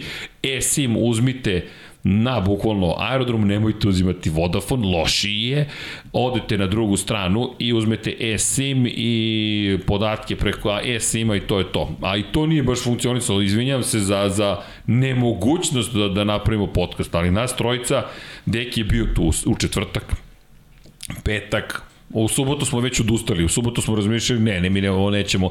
I onda u nedelju sam iskopao internet na mestu gde ga nikad ranije nije bilo zapravo u medija centru, ali eto, nešto smo uspeli da nađemo. Elem, to su neki saveti, pa nadam se da će biti od pomoći. Inače, na dan trke je karta bila samo za taj dan 150 eura. Dakle, mi govorimo o tome da ulaznice uopšte nisu jeftine. Evo ga inače Suzuki, čisto da iskoristimo priliku iz bliza malo Ja se nadam da ste zadovoljni, ali mene je oduševio Suzuki svojom preciznošću i onim što su učinili. Zaista motocikl koji izgledao je mnogo dobro. Sam po sebi izgledao prosto mnogo dobro. Honda me isto oduševila taj zadnji kraj, kako su, kako su je napravili. KTM je delovao nekako najviše podsjećao na prošlu godinu i možda taj manjak, da kažemo, napretka odnosno na prethodnu sezonu me do, naveo da to da pomislim da će tu biti mnogo više problema. Inače Ducati ima zanimljiva rešenja kada pogledate malo pobliže Ducati iz, iz više perspektiva, pokazat ćemo vam i to Ducati ima, ovo je Aprilia inače i kao što možete vidjeti jedina je koja imala za ovaj zlatni deo ispod onda sam to želeo da fotografišem posebno I... To ako se pitate zašto su toliko skupi ovaj Moto Grand Prix prototipovi. Zato ali bukvalno da. zato. I u svakom slučaju, vratit ćemo se na ovo, ali da, da mi ne pobegne misle, samo da, da, da ne zaboravimo Fabija Kvartarara, zapeli smo kod Fabija, da se vratimo na trku, kada je reč o, o samom trkanju, stavili smo kod Suzukijevaca, Suzukijevci koji nekako, eto, nisu sve uradili što su mogli, ali imaju razloga da budu zadovoljni. Inače, Joan Zarko je završio iza Suzukijevaca. Kada pričamo o Zarku, opet ista priča možda i kao Suzuki. Kvalifikacije su bile katastrofalne, pad Derina Bindera je uticao na njega da ne prođe verovatno u Q2 deo kvalifikacije, da se to ni desilo, ko zna ali Zarko je opet od početka vikenda imao dobar tempo za trku i Deki opet mi nije izgledao uverljivo kao da će uspeti da uradi bilo šta. Baš me nije ubedio ni na koji način, a on isto ima GP22, ima najnoviju verziju Ducatija, I kada ste na stazi drugačije, vidite ljude, vidite kako se ponašaju i kako zrače, kako izgledaju. Zarko nijednog momenta nije izgledao ubedljivo. Da, pa ne znam da li su se i u Ducatiju uspavali posle onih postsezonskih testiranju u Valenciji gde smo stvarno svi bili oduševljeni tempom. Ducatija, ovaj, ali generalno oni, oni tokom zime nisu, nisu dobro izgledali, ajde sad konkretno ako pričamo i o Zarku i onda dolazi eto ovaj, trkački, prvi trkački vikend gde, gde trebaš da nastupaš na stazi gde onako stvarno samouvereno trebaš da, da uđeš u čitavu priču, nema, nema tu, ne treba da bude nikakva lažna skromnost, ovaj, i onda se eto desi se taj moment koji ti pokvari trku i to je nešto što u principu će tokom sezone svi morate računati na to. Desit će se tako nekad neke žute zastave koje, koje ti ovaj, upropaste taj jedan krug koji stvarno treba, treba da bude dobar i onda naravno čitava ovaj, strategija pada u vodu i moraš da, da kreneš u neku drugu priču. Još ako ti je start loš, jednostavno sve, sve lančano i vuče jedno, jedno za drugim. Mene ono što je fasciniralo, to što mi je bilo zanimljivo ove godine, jeste koliko su drugačiji motocikli u petak, subotu i u nedelju. E sad, opet pričamo o izuzecima kakav jeste Katar, samo jedan trening imate da se pripremite, to je trening broj 2. Tu radite simulaciju trke, tu radite pripreme za kvalifikacije. To su vozači pričali to je veliki problem. Ti prvi trening voziš po plus 40 stepeni Celsijusa stazi, treći trening takođe. Da, praktično voziš trening da bi naučio stazu koju već znaš. Tako da nema, to je najviše stvari Novajlijama je služilo kao neki dodatni trening, ali i zaista je trening, a za sve ostale jednostavno ono ne, nema šta da dobiješ iz, iz, tih, iz tih krugova. Pa gotovo izgubljeno vreme. Pa da. gotovo izgubljeno vreme. I mi kada pogledamo zapravo šta se događalo tokom vikenda i imamo osjećaj da su timovi dosta morali da nagađaju.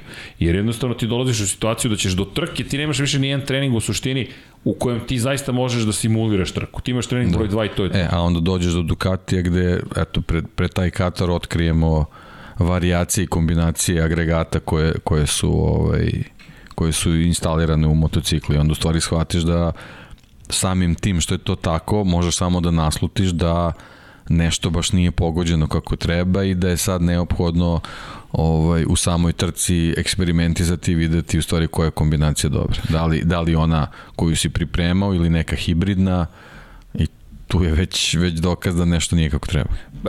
Apropo toga, dakle, utisak inače, Peko Banjaka je pao na prvom treningu, ja sam bio zabrinut.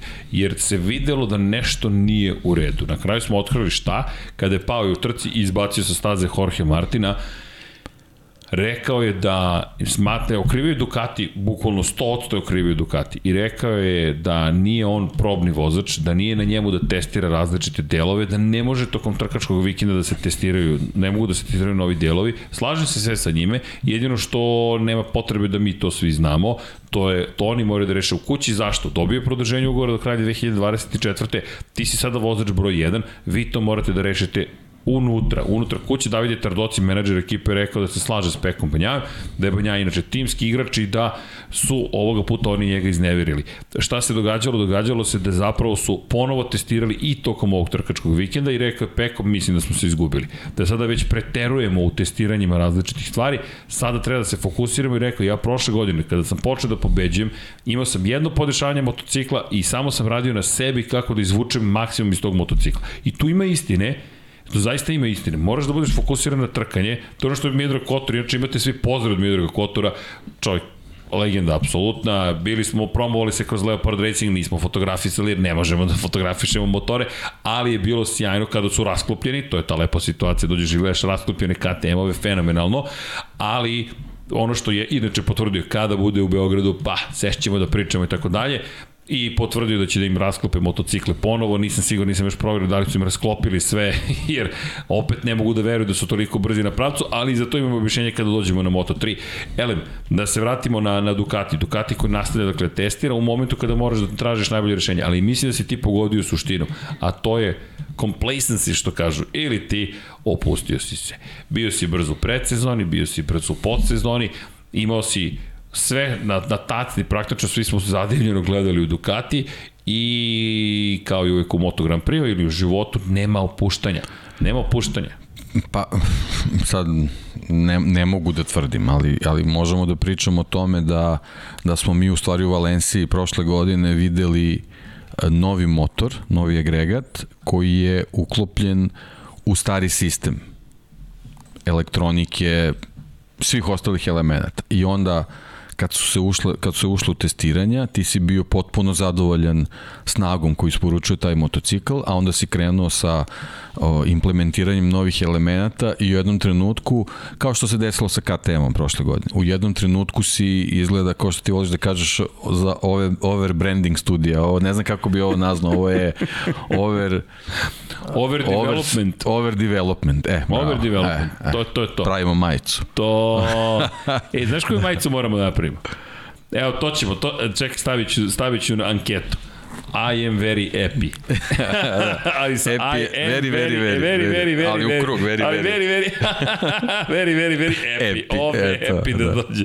Da, da, da okej. Okay. Tako da, to mi deluje jednostavno, da, da, da se ovaj Ducati malo, malo preigrao, ovaj, a posebno, sad, sad skačemo sa vozača na vozača, ali, ali i Millerove izjave u stvari pokazuju da to, da on jednostavno tokom trke više nije znao šta, šta gde treba da podesi na, na, na motociklu, oni su se izgubili u mapiranju. I da, motocikl jedan, jedan, nije znao gde se nalazi. Ba, bukvalno ali, nije znao gde se nalazi, ali, ali to takva ozbiljna ekipa ne, ne može sebi da dozvoli. Ali znaš šta je tu problem? 2010, ako me sećanje dobro služi, Niki Hayden u Aragonu, šta mu se događa? Motocikl nije znao gde se nalazi. I onda mu je na pravcu smanjivao snagu, inače samo da objasnim, a dodavao snagu u krivinama. Zašto je jedna od zamerki velikog broja vozača preterano korišćenje elektronike. Dakle, oni dodaju gas, međutim, kako funkcioniše kontrola proklizavanja postoji apsolutno, ali kako u ovom slučaju funkcioniše? Motor zna, inače ne sme da koristi GPS. Global Positioning System ne sme da se koristi. Međutim, na osnovu akcelerometra, na osnovu toga gde su krenuli i gde je bila startna pozicija, motocikl prepoznaje dalje krivina. Prva, druga, treća, četvrta i tako dalje. Šta se događa? Događa se da je motocikl počeo da greši. I sad, Jack Miller da pun gas. Neće on dobiti punu snagu motora u krivini, broj 3, na primjer. To će dobiti 72%, jer tako su odredili da je, ali on ne radi ništa, mislim, ništa, to, da, da ne pocenjamo rad, on otvori gas, pun gas, i motocikl onda mu da 72%, I izađe na pravac i sad on i dalje drži otvoren gas, ali pošto je motocikl shvatio na osnovu, jel te, celog sistema elektronike, pa, pa pre svega možemo da pričamo, ajde, vratit ćemo se, mada to u Formuli 1 je postalo vrlo zanimljivo, za, zapravo žiroskope kako koriste. Vi stavite žiroskop i kažete, ok, na osnovu žiroskopa znam u kojoj sam poziciji Ista je ovde situacija. Ispravio se motocikl, povećava se snaga. I sad opet, kako se povećava snaga, elektronika to radi. Kod Jacka Millera se desilo da on drži pun gas, misli da će dobiti 70, na primjer, od 100, dobije 100 od 100 u krivini i on sad pušta gas. I sada kako izlazi nazad na pravac, on odvrne pun gas, dobije 70% i to je katastrofa. Da, otprilike plastično, To je plastično, objašnjenje, to plastično. je to. A, za Ducati je samo pozitivno i dobro, ovaj, to su i oni priznali, oni znaju u čemu je problem. Da, Tako to su da, rekli. eto, to je, ali eto, Pa, pa, pa, vidi. pa, ostali su bez trke koji su realno trebali da dobiju trke. zato što je Bastianini pokazao to. Ti sad već zaostaješ. Da. I sad, Pa i, dobro, nije, nije to Nije velik zaostatak, ali ti nula bodova. No, I Nula psihološki bodova, gledano, da. Banja je dva puta pao, tri puta je zapravo pao, ali jednom u, u, u veoma značajnom momentu, još si pokupio Jorge Martina Pride.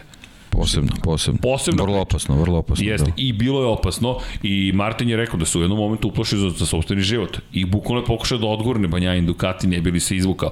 Ali ima tu još stvari.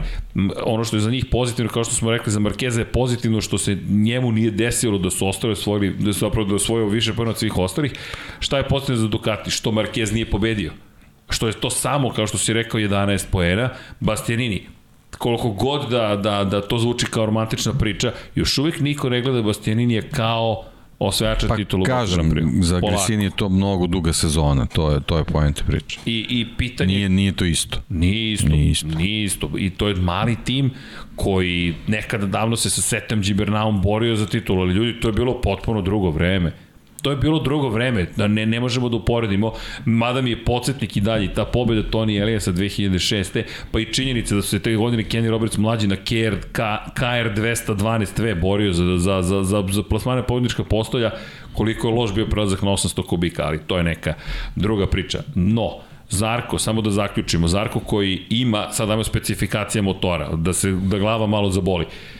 Ducati ima za motore za 2022. dve specifikacije koji je zapravo prijavio Dorni. Šta je pojenta tih prijava? Sada kada ste prijavili motor sa unutrašnjim sagorevanjem, to je to.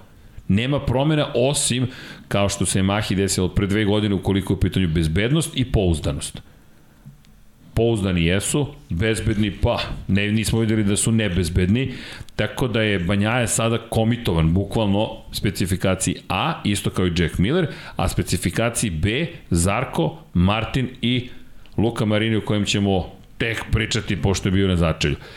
Inače, bez specifikacije kažu da je moćnija, ali sirovija, surovija bih rekao, a s druge strane, aj malo nežnija. Međutim, Deki, lepo si rekao, ni meni ne obećava ako proizvođač ima dve specifikacije na početku sezone. Već to ti govori da, kao što si rekao, neki problem malo Pa veći tu to postoji. i opet sa druge strane, uh, kad imaš dve specifikacije, to ti povećava broj kombinacija za testiranje i samim tim, ako dobiješ šumu, izgubit ćeš se u njoj. A pride što su tvoji fabrički vozači izgledali lošije od svih ostalih vozača. I od No, onih koji koriste prošlogodišnje i ovogodišnje. Ono, van performanse svih su bili, to, to je u stvari veći problem. Potpuno van performanse. A, Ducati ima osam vozača ove godine. Znaš, a opet sa druge strane, uh, i taj pramak uh, Banjaja je pokupio Martina. Znači, oni su bili na, na isto mesto na stazi. Tako da to je baš, baš onako loša situacija, ali ako nešto pozitivno mogu da izvuku iz svega, dobro što se dešava na, pozit, na, na, na prvoj trci, tako da ono, ako se sad upalio alarm, ima dovoljno vremena da, da se to ispravi. Posebno zato što drugi nisu to unovčili na, na, na bolji način. I vode u šampionatu konstruktora. Pa dobro, Čisto da, da ne zaboravimo. KTM je drugi. to je to je kvantitet i, i kvalitet nečeg Pa od, imaš- i, i kvalitet nečeg od prošle sezone. Osam tako motocikala imaš, pa teško je Tu da- su možda trebali da razdvoje, da jednostavno u tom, tom šampionatu konstruktora treba da postoji razlika između novih generacija i, i starih. Da, to bi imalo više smisla. Mislim da ima više smisla. Ti si sad u stvari osvojio bodove sa motociklom koji ti je prošle godine već doneo titul. Znači taj motocikl generalno sad ne bi trebao da bude u konkurenciji na taj način, nego na, na neki drugi. Ali dobro, to je sad, Što to je ne- sitnica i to je šampionat koji generalno njima više znači nego, nego bilo kome, tako da ali sve je okej. nas dovodi do konstruktora, proizvođača koji je na poslednjoj poziciji, koji ima apsolutno najveće glavobolje, ne da ima glavobolje, nego deki sramotan nastup Yamahe. Sedam poena su usvojili zahvaljujući devetoj poziciji Fabija Kvartarara, ali ne samo što je sedam poena. Ponovo je bio najbolji. Ponovo je bio najbolji, a to je izgledalo deki loše. Blago, katastrofalno izgledalo. Videlo se po njemu da zna da je u problemima. Pogled na, na vremena dovoljno govori. Dakle, uspeo je jednom da se spusti ispod 1.55 jednom ispod 1.55. Čovek koji je prošle godine pobedio na, na trci ovde za veliku nagradu Dohe, Maverick Vinjalac je pobedio na velikoj nagradi Katara, na istoj stazi, ali nažalost to je ta ista Yamaha koja je bila i prošle godine, osim što su svi ostali mnogo napredovali. Pa čak i GP21 nije isti kao što je bio, jer je Bastianini rekao Ducati i dalje donosi nove delove za GP21. Oni i dalje unapređuju taj motocikl a da je taj motocikl čini se za sada najbolja verzija koju je Ducati ikada napravio. I upravljivost koja posjeduje nevjerojatna, ali Yamaha Teki opet to izgledalo mnogo loše. To... Ne, problem je što u nijednom segmentu nije, nije funkcionisalo. To je, to je u stvari najviše za zabrinjavanje. Znaš, jedno je kao nedostaje ti maksimalna brzina dobro, ali si zato brz u krivinama, pa si, ne znam, dobar si na kočenju ili ne znam, šta tu, šta tu još može od nekih ključnih elementa za njih da bude, ali generalno ti si u, ovoga puta u svemu bio loš. I eto, ono, to što si izvukao, izvukao si na kvalitet vozača, ovaj, što Quartarara, Aldi i Morbidelli je bio tu ovaj, na ivici da bude u top 10, ali ali ovaj to to to je njihov kvalitet samo doveo do, do, do te ovaj čitave priče, tako da ne znam, ne, ne deluje dobro, a, a u principu o, o, kompletan o, sklop koji smo imali na kraju prošle sezone, uključujući i, i nastavak saradnje sa, sa Kračlovom, da, da ostane kao test vozač, sve delovalo da, da, da je super priča, da imaš jednog iskusnog dovicioza u u privatnoj ekipi koji isto na fabričkom motociklu koji će doneti ovaj neko neko svoje iskustvo i preneti ne, neka svo, neke svoje utiske. Međutim sve to kad se sklopi ovaj stvarno deluje da da oni kao da voze bicikl neki. Ali ali bukvalno izgledalo kao da voze bicikl. Meni meni je bilo tužnije da nego tako ono malo malo kadrova aktuelnog svetskog šampiona imaš mislim da to nismo imali ni sa Mirom Ne, nismo imali sa Mirom. Mir je, Mir... Mir je prošle godine završio treću šampionatu, ja to potenciram i ponavljam. Čekaj, Koliko Mir... god da je loš bio. Deki, ako pogledamo početak godine, ako pogledamo šta se dešavalo prošle godine i u istom ovom Kataru, mi nismo imali početak sezone koji je bio ovoliko loš za Mira, on je bio četvrti u trci. On je bio četvrti u trci, bio nadomak plasmana pobjedičkog postolja. Da on je izašao drugi iz poslednje krivine, iza njega su bila dva Ducatija. Zarko, Banjaje, prošišaše pored čoveka koji je stajao kao na biciklu, kao na trotinetu, ali Quartararo nije bio u toj poziciji, borim se za plasno pomničko postolje. Quartararo se borio čitavu trku, to je, to je razlika. I to se borio s da. motociklom se borio. Da. Nije se on borio protiv rivala, nego s motociklom. Inače, Suzuki, to je bio sjajan komentar i Millera i Martina i svih ostalih, jeste, ima moćni motocikl, super, ali potrošnja guma skočit će, potrošnja goriva skočit će. Šta se događa inače kod potrošnje goriva? Obratite pažnju na Ducati generalno, koje je, kako uglavnom su, koja je strategija bila Ducatija? Na početku veća potrošnja goriva, onda se smanjuje potrošnja goriva i to možete da vidite po krugovima. Nije samo do guma, dva ključna aspekta najjednostavnija koje možemo da posmatramo, a koji se troše tokom trke, osim očigledno psihe i fizike vozača, gorivo, gume što naravno više trošite goriva, lakši je motocikl, menjaju se, menja se ponašanje motocikla, ali i gume se troše i još jedan moment, kada ste trošili vi to gorivo? Da li ste čuvali gorivo za kraj kada je motor lakši pa mu kažete treba dati više snage. Da li mu treba dati više snage? To igra kompromisa. Zašto? Pa gume su već potrošene. Da li će taj višak snage pomoći ili ti je sada neophodno ono što je Maha nije imala, vraćam se na Maha, to je bukvalno prijanjanje. Oni ni jednog momenta nisu mogli da reše pitanje proklizavanja.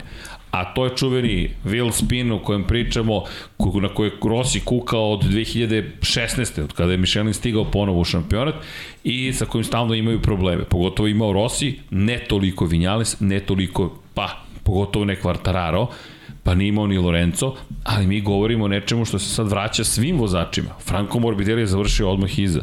Franka Morbidelli, jesi video Franka Morbidelli? Da li ga se iko seća sa ove trke? Franko je jednom momentu bio 15. i 16. pozadi.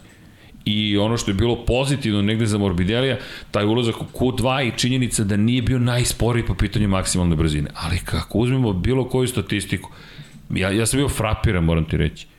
355, 334. Kako možeš da zostaješ 20 km na čas? I da ne pričamo o redno četvoro cilindrašu. Suzuki ima četiri cilindra i postavljeni su u red. Dakle, 1, 2, 3, 4 lepo stoje i to je to. Nema ve četvorke. I 355,2 km čas. Dakle, moje mišljenje, da, moto, motor sigurno su radili ozbiljno na motoru, ali i elektronika, i način i oslanjanje, i kod potrošnja guma i tako dalje. Ali ja ne znam šta da kažem za Yamahu, zato što ja ne vidim izlaz za Yamahu. Da, doći će staze koje će im odgovarati, ali dok dođu te staze, Ne, problem je što se iz sezonu u sezonu ponavlja da tokom sezone Yamaha uviđa u čemu je problem i, i onda krene da, da, da, da pokušava nešto da ispravi, a, a, a to ne radi, ne radi u, u predsezoni. Ne, ne znam šta je tu ovaj, uh, ko, koja je u stvari tu taktika, zašto se to tako dešava i sad, ono, ti možeš da budeš uspavan sa, sa ovaj, kvalitetom Fabija Kvartarara i da se nada da, da će on na vozačke kvalitete nešto, nešto da izvuče, ali kad vozač izjavi da je od drugog kruga imao problema sa gumama, sa pritiskom u gumama, sa, sa, sa motociklom koji je od tog trenutka apsolutno nije funkcionisao, onda stvarno moraš da se zapitaš šta je sve dovelo do toga da ti jedan šampionski motocikl, definitivno je šampionski motocikl dovedeš do toga da, da o, tvoji vozači budu malo ispred Novajlija u, u, privatnom timu KTM. Deki, Yamaha je poslednja u šampionatu konstruktora. Bukvalno je poslednja, dakle mi pričamo o 7 poena.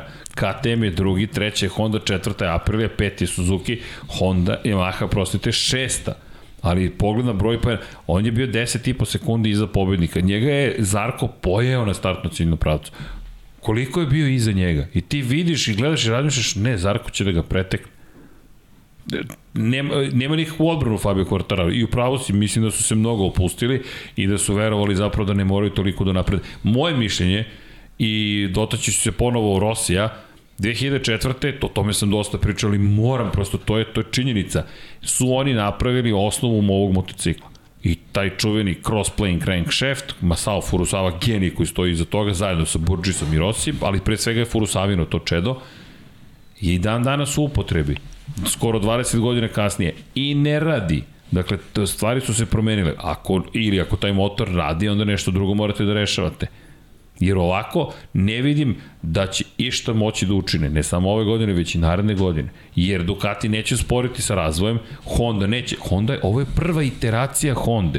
Ljudi, ova Honda do kraja godine kako će da izgleda, to niko ne zna. Ma do letnje pauze. Do letnje, pa upravo do Barcelone. To, to, to je već Barcelona. Barcelona njima, to je, to je polovina leta, početak leta zapravo, a tu je već stvar i vrlo jasna. I Suzuki je očigledno napravio nešto što se davno prediti. Aprilia, hej, ide grabi, ide svojim koracima, lepo i KTM koji će sigurno imati još 6000 delova dok, dok to dođemo do Barcelone, ali Barcelona neko dođe kao test. U svakom slučaju Fabio deveti i nevidljiv bukvalno nevidljiv. Nije u Q2 ušao direktno, on je kroz Q1 morao da se probije i to jedva onda nije imao dovoljno guma da pokuša ponovo, da pokuša iz dva, iz dva puta da, da, da nešto više učini u kvalifikacijama i na kraju bio 11. na startu. Ispred Franka Morbidelli koji je završio 11. a između njih bio Takaki i Nakagami. Nakagami i Alex Marquez, deki problem prave Lučio Čekinalo Racingu i celom šampionatu. Lučio je ostario bukvalno za ovih godinu dana Dobio je, jer dobio si fabričke motore i ništa ne radiš sa njima. Ja, ja se zaista pitam kog momenta će Pa da, pritom, pritom je u, u nekoj, ajde da kažemo, pat poziciji, mat poziciji, kako god, dobio jednog vozača iz Repsola, sa druge Just. strane ima Hondinog fabričkog vozača. I on, on njemu su ruke vezane, on jednostavno on, on, on, da on ima pakete s kojima praktično ne raspolaže. Tako je. On je, on je tu samo neki servis Hondi, HRC-u i, i to je to. Lučiček i No Racing je u najvećim problemima od svih timova. Baš je ozbiljnom problemu i Honda ništa loše nije učinila. Honda je dala fabričke motocikle, ne možete da tražite mnogo više od da, toga. Da, ali, ali ga je uslovila vjerojatno vozačima i Na to je nešto, sigurno. praktično ti imaš ekipu koja funkcioniše tako što, eto, pokušao sebi da zaradi za život i, i to je taj ciklus, znači od takmičenja nema ništa. Ja sam se zaista take pre svega mnogo, mnogo više očekivao, ali ja ne vidim nema tempa. Više, ne, ne, nema vidim, tempa. Ne vidim. Nema. Znači, ako, ako, je, ako je do sad bio problem sa tim motociklom koji je pravljen za Marka Markeza, bla, bla, bla, Evo sad šta je sad? Gde, gde je sad muka? A Pole Spargaro je, je bio na tvom nivou prošle godine. Pole Spargaro je 14 sekundi ispred, dobro nije baš 14, ali 12 sekundi ispred bio. Pa da, ali bio bi da nije, da nije morao da se, pa da. Da, da, da, da, da se kocka sa onom situacijom u, u, u prvoj krivini, tako da bila bi veća razlika. Dakle, ali je poenta, znači ti si, ti si bio na nivou Pola Spargara prošle godine uz obrazloženje da je taj motocikl motocikl koji ostalim vozačima ne odgovara. E sad jedan od tih ostalih vozača vrlo koristi novi motocikl koji Honda napravila. A Marquez je rekao da njemu taj motocikl po prirodi stvari ne odgovara. Da, i znači tu dođeš do tog nekog balansa tih pozicija gde su ti vozači završili ovaj, prošlu trku. A šta je sa vama? To je taj problem. Inače, bukvalno uživo kada ga vidiš, nema poletnosti kod Lučića Kinala. Lučića Kinala je jedan od uvijek najzabavnijih šefova timova i tim je uvijek imao neki dobar rezultat. Nešto se tu dešavalo, nešto je neko je odskakao. Karl Kračl, izvinjenje Kalu Kračlu za svaku kritiku koju sam mu ikada uputio. Onaj čovek je napravio čudo zapravo od te ekipe i preverio nas je. Čestitke Kalu Kračlu iz još jedne perspektive. On je bio taj koji je uvek, i to je spominjao, nikad nije ćutao, ali nije mogao mnogo da promeni. On je bio taj koji je testirao sve nove delove za Repsol Honda. I svaki put kada dobijete deo koji ne znači da će raditi, u trci ga koristi Karl Kračl.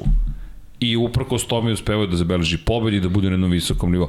Moraju, moje mišljenje, kako god zna i ume da politički odigra Lučio, Pa, mora da znaš, da te, teško, je, teško je igrati zato što ti stvarno ovaj, mnogo zavisiš od, od razmišljanja HRC-a i jednostavno uslovljena, a, a vidimo, vidimo da, da njegova pozicija baš nije savršena samim tim što on jedin na gridu ima motocikle sa različitim sponsorima. Znači, to je već ta muka koju pričamo i o Gresiniju. Znači, on je mala ekipa koja mora da izgura do kraja sezone i on će u jednom trenutku bukvalno zavisiti od delova koje mu Honda bude isporučivala, testirala, šta god radila, to će biti njegovi motocikli. Ali opet sa druge strane i Honda je u problemu što ima vozača koji ne mogu da isporiče performanse da bi ti u stvari mogao i da shvatiš da li je taj testirani deo dobar ili loš. Sa ovakvim rezultatima ti, ti ne možeš nikakvu, nik, nikakvu statistiku da dobiješ. Potvrdu bilo čega da Ništa, da dobiješ, ne možeš. Ma potvrdu, šta god, nikakve brojeve koji su relevantni ne možeš da dobiješ. Alex Marquez pritom nije ni završio trku. Alex Marquez zaista mislim da ovo njegova poslednja Kao, sad, sad opet da se nadožem, sad, sad mi pade na pamet, kao ni Ducati. Znači imaš A i B specifikaciju za 2022. ti od trke u Katoru ne možeš apsolutno nikakav zaključak pa, da izvučeš. Ajmo ovako, šta mogu da dobiju od podataka vozači fabričke ekipe od privatnika kada koriste različite motore? Mislim, između ostalog da i to. Pa nema veze da su, da su oni bar bili dobri u nekom smislu, pa da kažeš da, ok, to je dobar put, pa hajde to iskoristimo. Tvoj vozač je oborio jednog, a drugi je u pretposlednjem krugu pravio neki iole, Ajde, iole dobar rezultat. Ajde, i na trećeg. Luka Marini bio da. 13. 27 sekundi iza pobednika. To je neoprostivo. Mi pričamo o čoveku koji ima najnoviji motocikl bez specifikaciju motora sa unutrašnjim sagorevanjem i on je 27 sekundi iza prošlogodišnjeg motora na kojem je Bastianini iz Gresini Racinga. VR46 tim je tek nastao, ali već sada veći od Gresini. Pa jeste, ali očigledno da, da, da se u stvari zaloga i meri. Da, da. A zaloga i se meri. Luka Marini nije izgledao dobro ni jednog momenta. To je ono što je poseban problem. Nisi nijednog momenta mi nije delovao kao neko koji je ušao u sezonu, o, sad ćete da vidite šta ja mogu. Pojavio se na ono, delić sekunde i to je bilo sve. Luka Merin meni je jedno od najvećih, najvećih podbačaja ove, u, u ovoj trci jedno od najvećih. Zaista. Razočaranje praktično.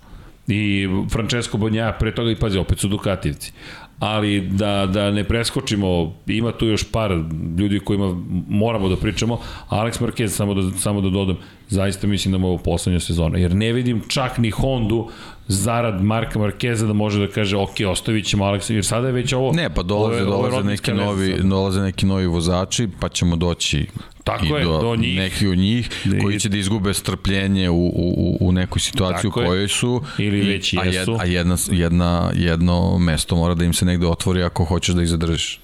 Tako da možemo i da pređemo možemo da, da pređemo da. ali ajde, da, hajde doći ćemo do Novajlija ajde. samo da ispoštujemo Maverick Vinales 12. tačka tu bih završio katastrofa da, Bukvalno. ne ja ću samo malo duže ako je Aleš uradio to što je uradio a ti si na stazi gde, gde po svim parametrima se očekuje da, da pokažeš šta si na tom motociklu koji definitivno vredi, ako je tvoj timski kolega bio na, na, na ivici da, da bude na podijumu, od tebe bar toliko trebalo da se očekuje, a on čovjek ponovo A kako ti nigde... zvučao u subotu? Opet je motor problema. ne, ne, ne, ne, ne, ne vredi, ne. Teško ulaziti u to zato što, kažem, e, sve, sve što je rekao opovrgne neko na drugoj strani garaže i ne, nema tu šta da, da, da se analizira. Preslikane su izjave iz da, Mahi. Da. Bukvalno copy-paste, da. uzmeš samo promeniš korporativni potpis. I, I ono što ja mislim da je, da je vreme da se suočimo sa činjenicom da se Maverick Vinales neće do, domoći Ja kapiram da je, da je neko i u aprili razmišljao da, da, da proba, proba da napravi taj, taj neki pozitivan zemljotres sa, sa, sa dovožen, dovođenjem njega iz te neke teške situacije u kojoj je bio i tako dalje i tako dalje, ne sumnjajući njegove kvalitete i, i tako dalje i tako dalje, ali mislim da jednostavno Andrea Dovicioze mora da dobiti mesto u toj ekipi. Apsolutno apsolutno se slažem. A Dovi ovde nedostaje. To je V4 motor, mogo je da testira, a mislim da ni Dovi ne prija dolazak u Yamahu koja je odlučila da ima najgoru pa sezonu pa nije, nije, ikada. Nije Dovi došao u Yamahu. To je Između došao je došao je u tim koji ima svoje pre svega ozbiljne potrese, to se videlo još prošle sezone ulazi u neku novu priču i, i jednostavno Dovi nije u toj nekoj stabilnoj situaciji da dolazi tamo gde će samo uh, služiti da, da, da pomogne sa, sa analizom motocikla koji vozi. Jer definitivno prvo što vidimo da tu je nešto na nekoj stramputici, a onda on u situaciju ekipi u kojoj je jednostavno, on, on prvo nema, nema u, unutar ekipe s kim da deli podatke. I to je za njega, mislim da je u ovom trenutku jako, jako veliki problem da bi on u stvari razumeo šta sve treba da se uradi. Mislim, znaš, i sama njegova izjava, nismo bili dovoljno brzi to je, mislim, to ti ne, okay, to, to, ti, to smo i mi videli. Obavio si razgovor koji da. si obavezan da obaviš da, i da, ništa da, da, više od da. toga. Ništa nam nisi rekao. Ali, ali ovo je super zapravo moment da, da, da iskoristimo priču o Novajlijama. Imamo petoricu Novajlija.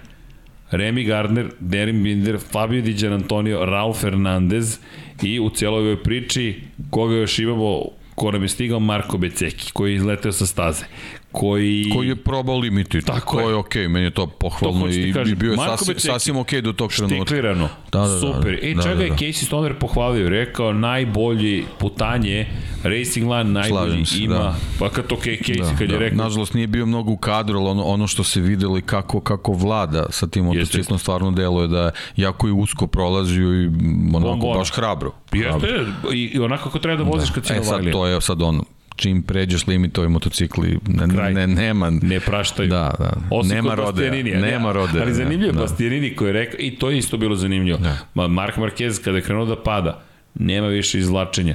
I ono što, znaš, znaš šta me podsjetila situacija, na Silverstone prošle godine, po njegovom priznanju, da on pošalje impuls telu, ajmo da se izlačimo taj delić sekunde više ne To više ne radimo. Ne, ne radimo, bukvalno telo je da, reklo, a ne. Telo mu vrati impuls. Ne, ne, sad ne zamerite svi mlađi od 30, ali ovo je, zarazumite, ja se nadam na pravi način, Izvini matori, ali, da, da. ali taj, taj film se ovde taj više ne prikazuje. Da, da. dakle, sad nema otvorenog bioskopa, sad samo na toplom, finom, klimatizovanom ili kako god želite. I tačno se videlo, kada je počeo da mu beži motor, nema reakcije tela Nema onog instant podlačenja lakta, kolena, nema ničega. Samo Marquez koji tek kada je već pao počinje telo da radi. I to su ti delići sekunde kada jednostavno kada vam kamera prikazuje u 2000 kadrova u sekundi koje vam otkriva takav kadar, a s druge strane kada već pričamo o, o takvim stvarima, Apropo, Bestinini, Bestinini rekao da njemu ovaj motocikl novi prašta mnogo više. Ali za sada samo njemu prašta izgleda GP, to prvi put čujem da GP21, bilo koji Ducati nešto prašta, ali okej.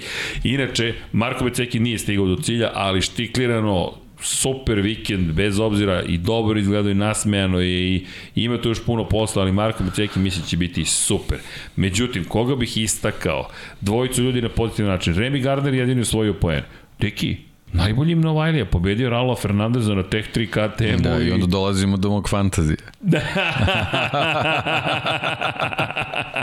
e, fantazi, da. da, da. 600 ljudi se pridružilo fantaziju, ljudi, um, nadam se da će 200 neki sam. Čekaj da te nađem, gde si? Nemam pojma, nisam, nisam gledao, ovaj, zato što mi je Banjaja pokvario će to priča. E, ja sam imao Martina, da, Banjaja pa ja mi je isto, pokvario, pa, da, Banjaja da, da. mi je pokvario celu priču, tako je.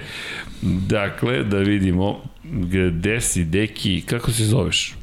Pa znaš kako, da, kako bi ja mogao da se zovem. Čekaj, Besterini 23. Vidi, Čekaj, sad ću da, da naći. Da, ako nemaš da. beštiju, Neću, naravno znam da imaš, ali nećemo ni da razgovaramo. Ne, još sad kad bi se setio šifre, Pazi, Manijak da Joe ima ovde. E, inače, samo kad smo već ovde da pohvalimo, DM95 vodi, 144,5 poena je čovek imao.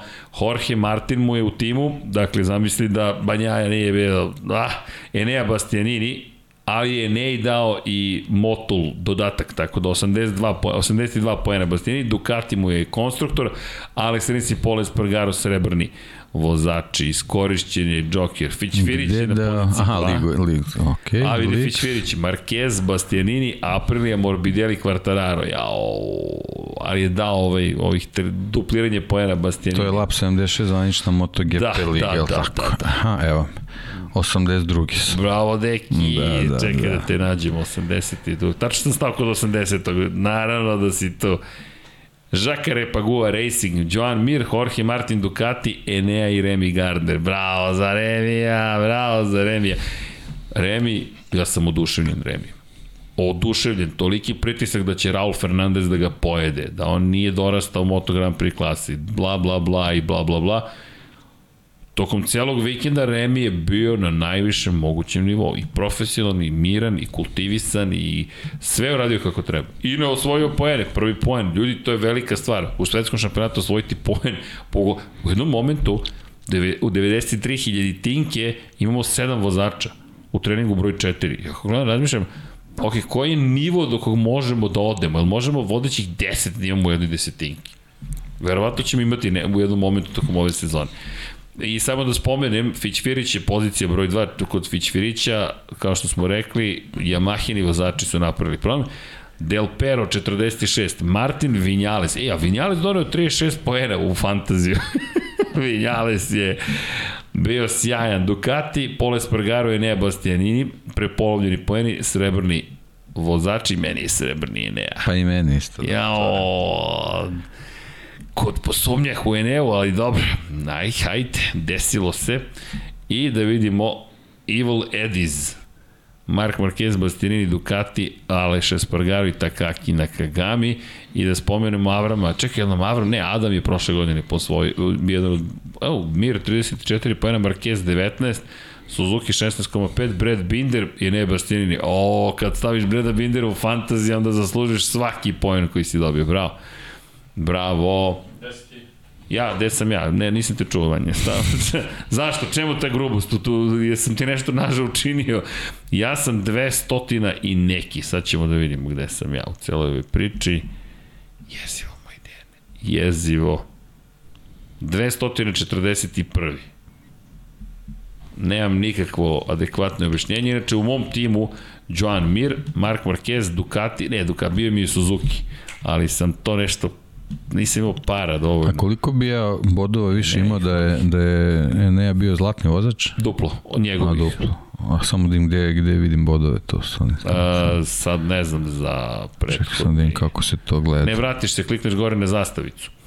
Meni je Mir donio 17 poena, Marquez 19, Suzuki 16,5, Enea 20,5 i Jorge Martin 5. Imao bih 41 mm -hmm, poen da znači, sam stavio. Aha, aha, e, znači ja bih imao... Eneo Mislim, ŠBB, KBB, ali Imao bi 106 bodova, pa dobro, okej. Okay. Sa 106 poena, sad ću ti reći, ti bi bio sa 106, šesti. Pa da. I jao, dobro. Da, dobro. Čekamo Indoneziju. Kazna. Kazna, kazna, čekamo Indoneziju. Ali mislim da u Indoneziji treba računati na... Dobro, pričat ćemo o tome. Pričat ćemo, da. da. Pričat ćemo o tome. No, da se mi vratimo u Novajlijama. Pohvale, Remy Gardner, sjajan. Sjajan. Drugi koga hoću da pohvalim, Derin Binter. Tik iza Remija Gardner je završio. Mi govorimo o 12.000 tih dijelova sekunde razlike. Toliko je Derin Binder bio iza Remija Gardnera. Derin je stigao iz Moto3 klase, Remi Gardner je šampion Moto2 kategorije. Derin Binder je na prošlogodišnjoj Yamahi, a Remi Gardner je na ovogodišnjem KTM-u, fabričkom KTM-u. Derin Binder, uspeli smo da popričamo sa njime, u jednom momentu se videlo da je pretekao do Vicioza i pitamo ga, rekao, Derin, Derin rekao, pretekao si Dovije. Bio, rekao je, ej, za, na kraju sam zadovoljan, iako nije neki vikend bio, ali sam ja zadovoljan. Kažem, ali da li, pre, i kao, i kao najzad sam nekoga pretekao, i ja kažem, pa pretekao si Dovije. Ej, jesam, pretekao sam Dovije. Rekao, gde si ga pretekao, kaže, u prvoj krivini, ali odmah me pretekao u drugoj krivini. rekao, nema veze, bar je bilo zabavno. I kaže, jeste bio super osjećaj, kakav je osjećaj, pa kao super osjećaj.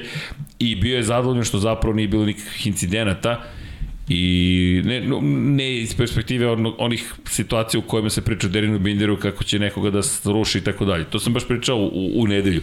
Ako je toliko loš, onda neće nikom ni smetati, nikoga živ neće vidjeti.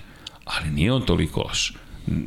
Ovoga puta zaista je uradio dobar posao i mislim da i pritisak pomogao da kaže sebi, ok, ovo je velika igra, fokus. I odličan je bio. Da, odličan je bio i ohrabrio se i to je, to je i ovaj Remi potvrdio, bio onako prilično besan na, na Derina zato što ovaj, on je u jednom trenutku pokušavao da, da uhvati Vinjale Sedovicioza, kako je sam izjavio, mislim mi to nismo videli, ovaj, mogu je znači, da popravi svoj plasman, ali u tom trenutku ima je borbu sa, sa Binderom koji kaže očigledno iz Moto trojke je doneo, kaže prilično je menjao putanje To je ono što smo to pričali, da, e.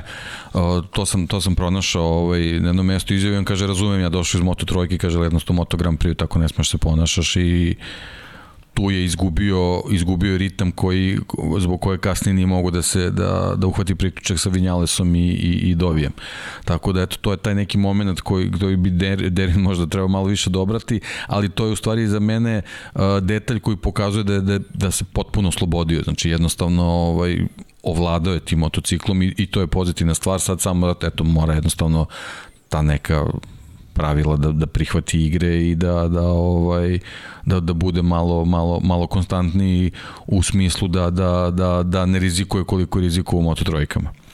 I mislim da ćemo dobiti njega tu kao vozača, apsolutno se ništa od njega očekuje, ali da svoju prvu trku ne završeš kao poslednji je vrhunsko dostignuće. Bukvalno vrhunsko. Vrhunsko dostignuće. A malo je nedostajalo da završiš, da. jer oni su svi Ali zapravo samim tim, ovo sve što je Remi pričao, oni su se borili. Da. I to je ogromna stvar za, za Derina Bindera. A inače Fabio Di Gianantonio u toj celoj bici bio, koji je zaostao na kraju 230 sad hit, to je dve desetinke zaostao zapravo za Binderom. A zatim sekund iza njih Raul Fernandez, koji na kraju ispao najlošiji, što je šokantno, ali mogu ti reći, Raul Fernandez izgleda veoma nezadovoljno. Da može nekome da se puši iz ušiju, to bi bio Raul Fernandez. I ponovit ću, potvrdilo se, to može da bude ozbiljan problem za njega. Koliko god da je talentovan, mora da povede računa da ne ode u suprotnom smeru. I pa, je... znaš šta, ti si od nekog momka koji je prošle godine bio pod svetlima reflektora, sad došao u neku situaciju da, iako voziš na stazi pod reflektorima, te niko ne gleda. I to je on kao, kao mogući budući superstar, stvarno ne sme da priušti sebi, e sad, to je sad pitanje i do KTM. Jeste. I ono što smo malo pre ovaj, najavili da ćemo pričati, Raul Fernandez mislim da, da neće imati puno strpljenja za, za takvu priču. Ja na kraju godine da, ne vidim da će on ostati u KTM. Kažem, ja, ja, ja njega vidim u Repsol Hondi u budućnosti. E sad u ovoj priči, ako, ako stvarno ekipa bude ove godine dobra i Pole Spargaru uspe da zadrži svoju poziciju, jednostavno LCR je za njega viđen kao, kao neka, neka prelazna faza. Ali ono što se tu postavlja kao pitanje je da li želiš još jedan ugovor sa privatnom ekipom, jer gde mislim da je tu čak problem, mislim da on neće biti zadovoljan. Tako da, moje mišljenje je da će njega Livio Supo da juri. Iskreno, e sad da on hoće u fabriku Suzuki-a, a ili ćeš u privatnu Hondu, ako se ako ostane Pole Spargaro, Pa znaš šta, ako postane, ako postane HRC vozač, mislim da, da, da on tu neće imati, imati neki poseban problem. Ok, ok.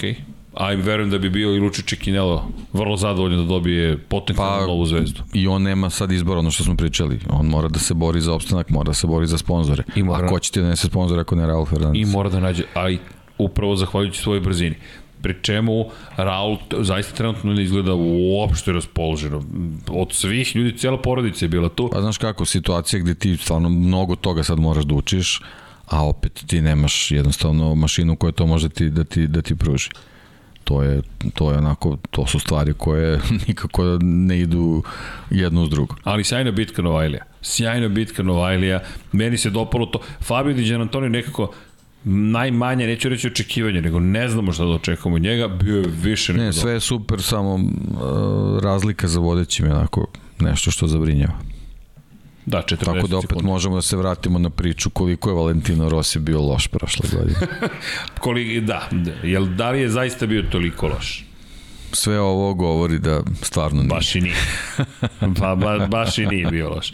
Pa ali to je ta ironija kada si ti takva veličina koja je osvajala titule sa gotovo lakoćom, kad dođeš do toga ti zaostiš 10 sekundi, to izgleda kao da si za starog vožđe. Da, evo recimo Zarko je sa 10 sekundi bio osmi na ovoj trci. Sad zamisli, da. Ali dobro, to je Sad je tata, sad je u ne, drugom. Da, sad, je. sad promoviše Gran Turismo. Pričamo, Čekaj, pričamo sad, o drugoj priči.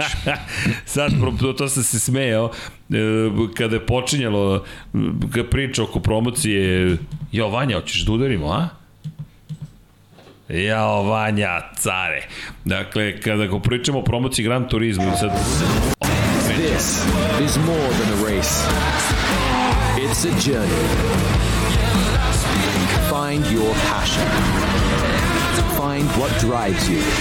Find your line. Pa eto, pa pripremite se za četvrtak da pronađete svoj put, kako zvanično kaže, pronađete svoju trkačku liniju, zapravo to je poenta, ali u suprotnom ćete ali da je pronađete, da li možete da nas pobedite? Challenge.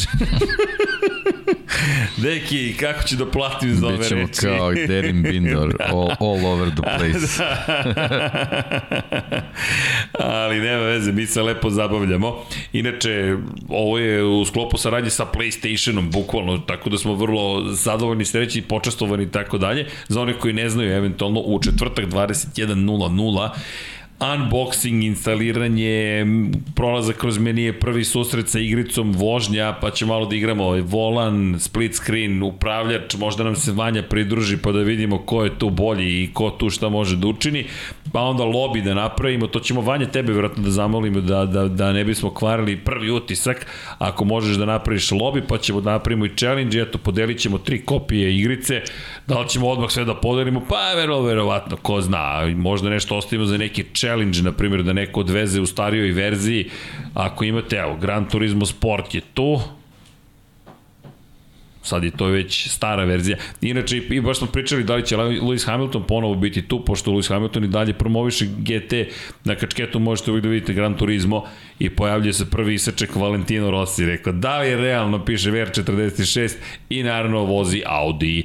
Tako da je Valentino i tekako aktivan u trkanju, apropo penzije, daleko je od penzije. Da, juče je bila promocija, počela su testiranje.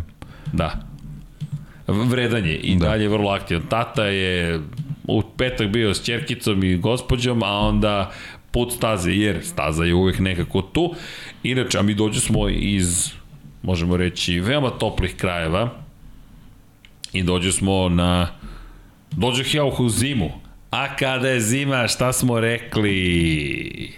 Max Motion gorivo, viš kako smo napravili opet jedan ulaz na 63 OMV pumpe širom Srbije, gorivo koje može da uživaš u putovanjima u svim uslovima i gorivo sa kojim bezbedno krećeš na putovanje aktivno štiti motor i pratite na zimskim avanturama jer neće da se zalidi ni na minus 38. Pomislio sam tamo na plus 32, kakvih trnih 38 da se vratiš u 2 stepena. Šta je to 70 stepeni razlike? I 70 stepeni razlike, deki. Ali još jedna dobra stvar kod OMV da koji god kraj, kraj Srbije da izabereš, za svoju ne samo zimsku avanturu, pošto stiže uskoro i prolećna, imaš usput i OMV benzinsku stanicu sa fantastičnim kafama. Tako da znate, kolumbijska kafica jedinstvenog porekla, popularni single origin ili ti 100% arabika, pa espresso, americano, latte macchiato, cappuccino i tako dalje i tako dalje. Ja znate da volim kafu. Inače, pozdrav još jednom za, za priču o kafematu. Bili smo na putu pa nismo stigli da sve to za... Ne, ne, aparatu za espresso, izvinjam se, nije ista stvar, gre, sram je bilo, ali javit ćemo se apropo toga, ovo, ovo, ovog, ovog meseca je baš bilo onako dosta aktivnosti na sve strane, ali krenula je sezona, Vanja, sad se ja sad čak sećam šta sledi koliko dugo ću još da uživam u putovanjima. Sve dok postoje još neotkriveni predeli i sneg još uvek ne ukroćen. Za više bezbrižnih putovanja OMV Max Motion Diesel produžava životni vek motora. OMV Energija za... I tako, tako da Hvala OMV-u i hvala vama, neko je tweetovao takođe da je kupio kafu jer Lab 76 Infinity Lighthouse na OMV-u, pa hvala na tome. Naravno da znači svaka podrška, a pozdrav za naše Patreone za oni koji su na YouTube-u. Ljudi, patreon.com kroz Infinity Lighthouse. Ej, Vanja, znaš šta možeš da uradiš? Dok pričamo, staviš imena ljudi koji su na Patreonu a ja ću na kraju da ih svakako pročitam, ali da se malo i vrti po ekranu, jer to su ljudi koji nama omogućavaju da i dalje funkcionišemo, ne samo oni, i naši sponzori, svi koji udarite, like, čekaj, nisam rekao, like, subscribe, šta ti je put? Odmah sam se opustio, to mora da se vežba. Udrite like, udrite subscribe, udrite join i vaše imena ćemo pročitati, a istovremeno, eto, posjetite patreon.com kroz Infinity Lighthouse ili shop.infinitylighthouse.com To je patkica broj 46 koja najavljuje nastavak emisije, a nastavak emisije glasi kako je, samo da spomenem i Miguel Oliveira koji izletao sa staze da zaključimo. Pričali smo, da. Pričali smo da. na kratko, ali ovo otvara nastavak priče. U Moto trojkama i Moto dvojkama dva pobednika iz Akademije VR 46. Deki, red je da krenemo od Moto dvojke Da li si očekivao da će Celestino Vijeti da odveze masterclass? Ono je deki bilo od početka do kraja dominantno, bukvalno. Pa dobro i, i ovaj sad da, da, da ne, ne da izgleda da kao da ne, ne, ne, nego da ne ne ovaj ne ni podaštavam sve šta je uradio mislim i tu je bio neki neki splet okolnosti na tom startu i generalno kvalifikacijama i tako dalje i tako dalje ali apsolutno stoji mislim stvarno je od od od, od trenutka kad su gasila svetla do, do, do finiša Ništa, izuzetno, nesta. izuzetno vrhunska trka, tako da ovaj, mislim u jednom trenutku je možda mogli da se, da se pomisle da će oni imati neke probleme sa, sa pneumaticima i tako dalje i tako dalje, ali apsolutno pod kontrolom sve i, i ne, ne zaslužena pobjeda, nego onako stvarno neočekivana, ali, ali mi je mnogo drago što je, što je uspeo to da uradi. Sreća nekako da dobijemo novog pobednika, sticamo okolnosti predsednik VR46 ekipe. Da, i tri italijana na na, na pobednici na, na, na ovaj, u tri kategorije, to je onako baš super. I kada pogledamo Vijeti, ja, ne očekivano, on sam je rekao, ekipa nije očekivalo da ćemo biti u prvom startnom redu. Kamoli na pol poziciji, Sam Lowe se moramo da spomenu, Sam Lowe se izgubio zapravo pol poziciju, zahvaljujući maloj grešci koju je napravio, to se događa, Sam Lowe koji imao povredu pre nekoliko nedelja ruke, ali evo, pogledajte krugove Sama Lowesa, gore dole, ima tu naravno prostora još za, ba, za rad. Tipični Sam Lowe, da. Pa da, ali još da. prije kada si povređen, mada njemu povreda gotovo da ništa ni ne znači. Otprilike povređen je povređen, lepo si rekao, tipični Sam Lowe. Aaron Kane koji je završio na drugom mestu i na njega smo tipovali, prešao ekipu Sita Ponsa, to je ozbiljan tim. Da, i vidi se, da. vidi se. I delo je da mu više da. odgovara prosto. Da zajedno sa Jorgeom Navarom i ove godine u toj ekipi, ali generalno nekako cijela Moto2 kategorija pala u zapećak onoga što uradio Celestino Vijeti. Ne, očekivao sam iskreno da će biti uzbudljivije, toliko su bili izjednačeni, gledaš kako se pripremaju, Vijeti mi nijednog momenta nije nekako izronio kao neko ko će čak ni sa te pol pozicije izdominirati. Nikoga nije ugrozio. U jednom momentu je počeo da gubi malo prednosti, to je bilo to i odmah je uspostavio kontrolnu trkom i nastavio da vozi sjajno. Pohvalio bih u celoj priči iskreno pohvalio bih. Svakako Kanea i Lousa, iako Lous ovde znamo da pobeđuje prošle godine dva puta, nemamo pojma šta sledi, ne znamo da li će se Vijeti pojaviti ponovo u samom vrhu, ja, ja, ja ne vidim konstantnog Vijetija, nikad u karijeri nije bio konstantan, konzistentnost mu je... Dobro, ovo je možda, dosta... možda prilika za, za, za promenu koliko je, koliko, mislim ja sam to stalno potencirao, koliko je Beceki prošle godine imao problem uh, zašto se našao u ekipi koja je otešla uh, ovaj, u Moto Grand Prix i, i ovaj, stvarno ono, se spremila za, za, za zaloga i pa je on pomalo tu ispaštao ovaj, u Moto dvojkama. Mislim da, da sada sa, sa ovom, ovom, ovom konstelacijom priče vezano za, za VR46 i pronalaženje velikog sponzora i tako dalje i tako dalje, mislim da je Vijeti u odličnoj ovoj poziciji da sa, sa ekipom koja ima sad takva iskustva ovaj, baratanja sa, sa više šampionata ovaj sad i ozbiljnih, ozbiljnih šampionata. Mislim da on sad nalazi da se nalazi sad u dobroj poziciji pre svega zato što je on ovaj, mnogo, mnogo zreliji iskusniji tako da ovaj, mislim da možemo od njega da očekujemo više konstantnih trka. Sad da li, da li, da li može u, u, u takvom tempu da izdrži čitav šampionat to je stvarno teško reći. Mnogo je trka mislim ponavljam tako da posebno u kategoriji koja nije ni malo laka ovaj, tako da Ovo, ja, ja bih voleo da, da, da ga vidimo i dalje u vrhu i da je ovo samo neka najava, ali mislim da isto, isto zavisi, ovaj, da, da je slična priča u stvari kao i za Moto Grand Prix, da ove prve dve, tri trke neće sad neko, neko pravo stanje ovaj, pokazati, kao što mislim da, da ne bi trebalo da imamo dominaciju kako smo imali ovaj, prošle godine sa Gardnerom i, i Raulom Fernandezom. O, pa Hajde, kada pričamo o Raulu i, i, i Fern, o, prosti, o Raulu Fernandezu i Remy Gardneru, ono je baš bila posebna sezona.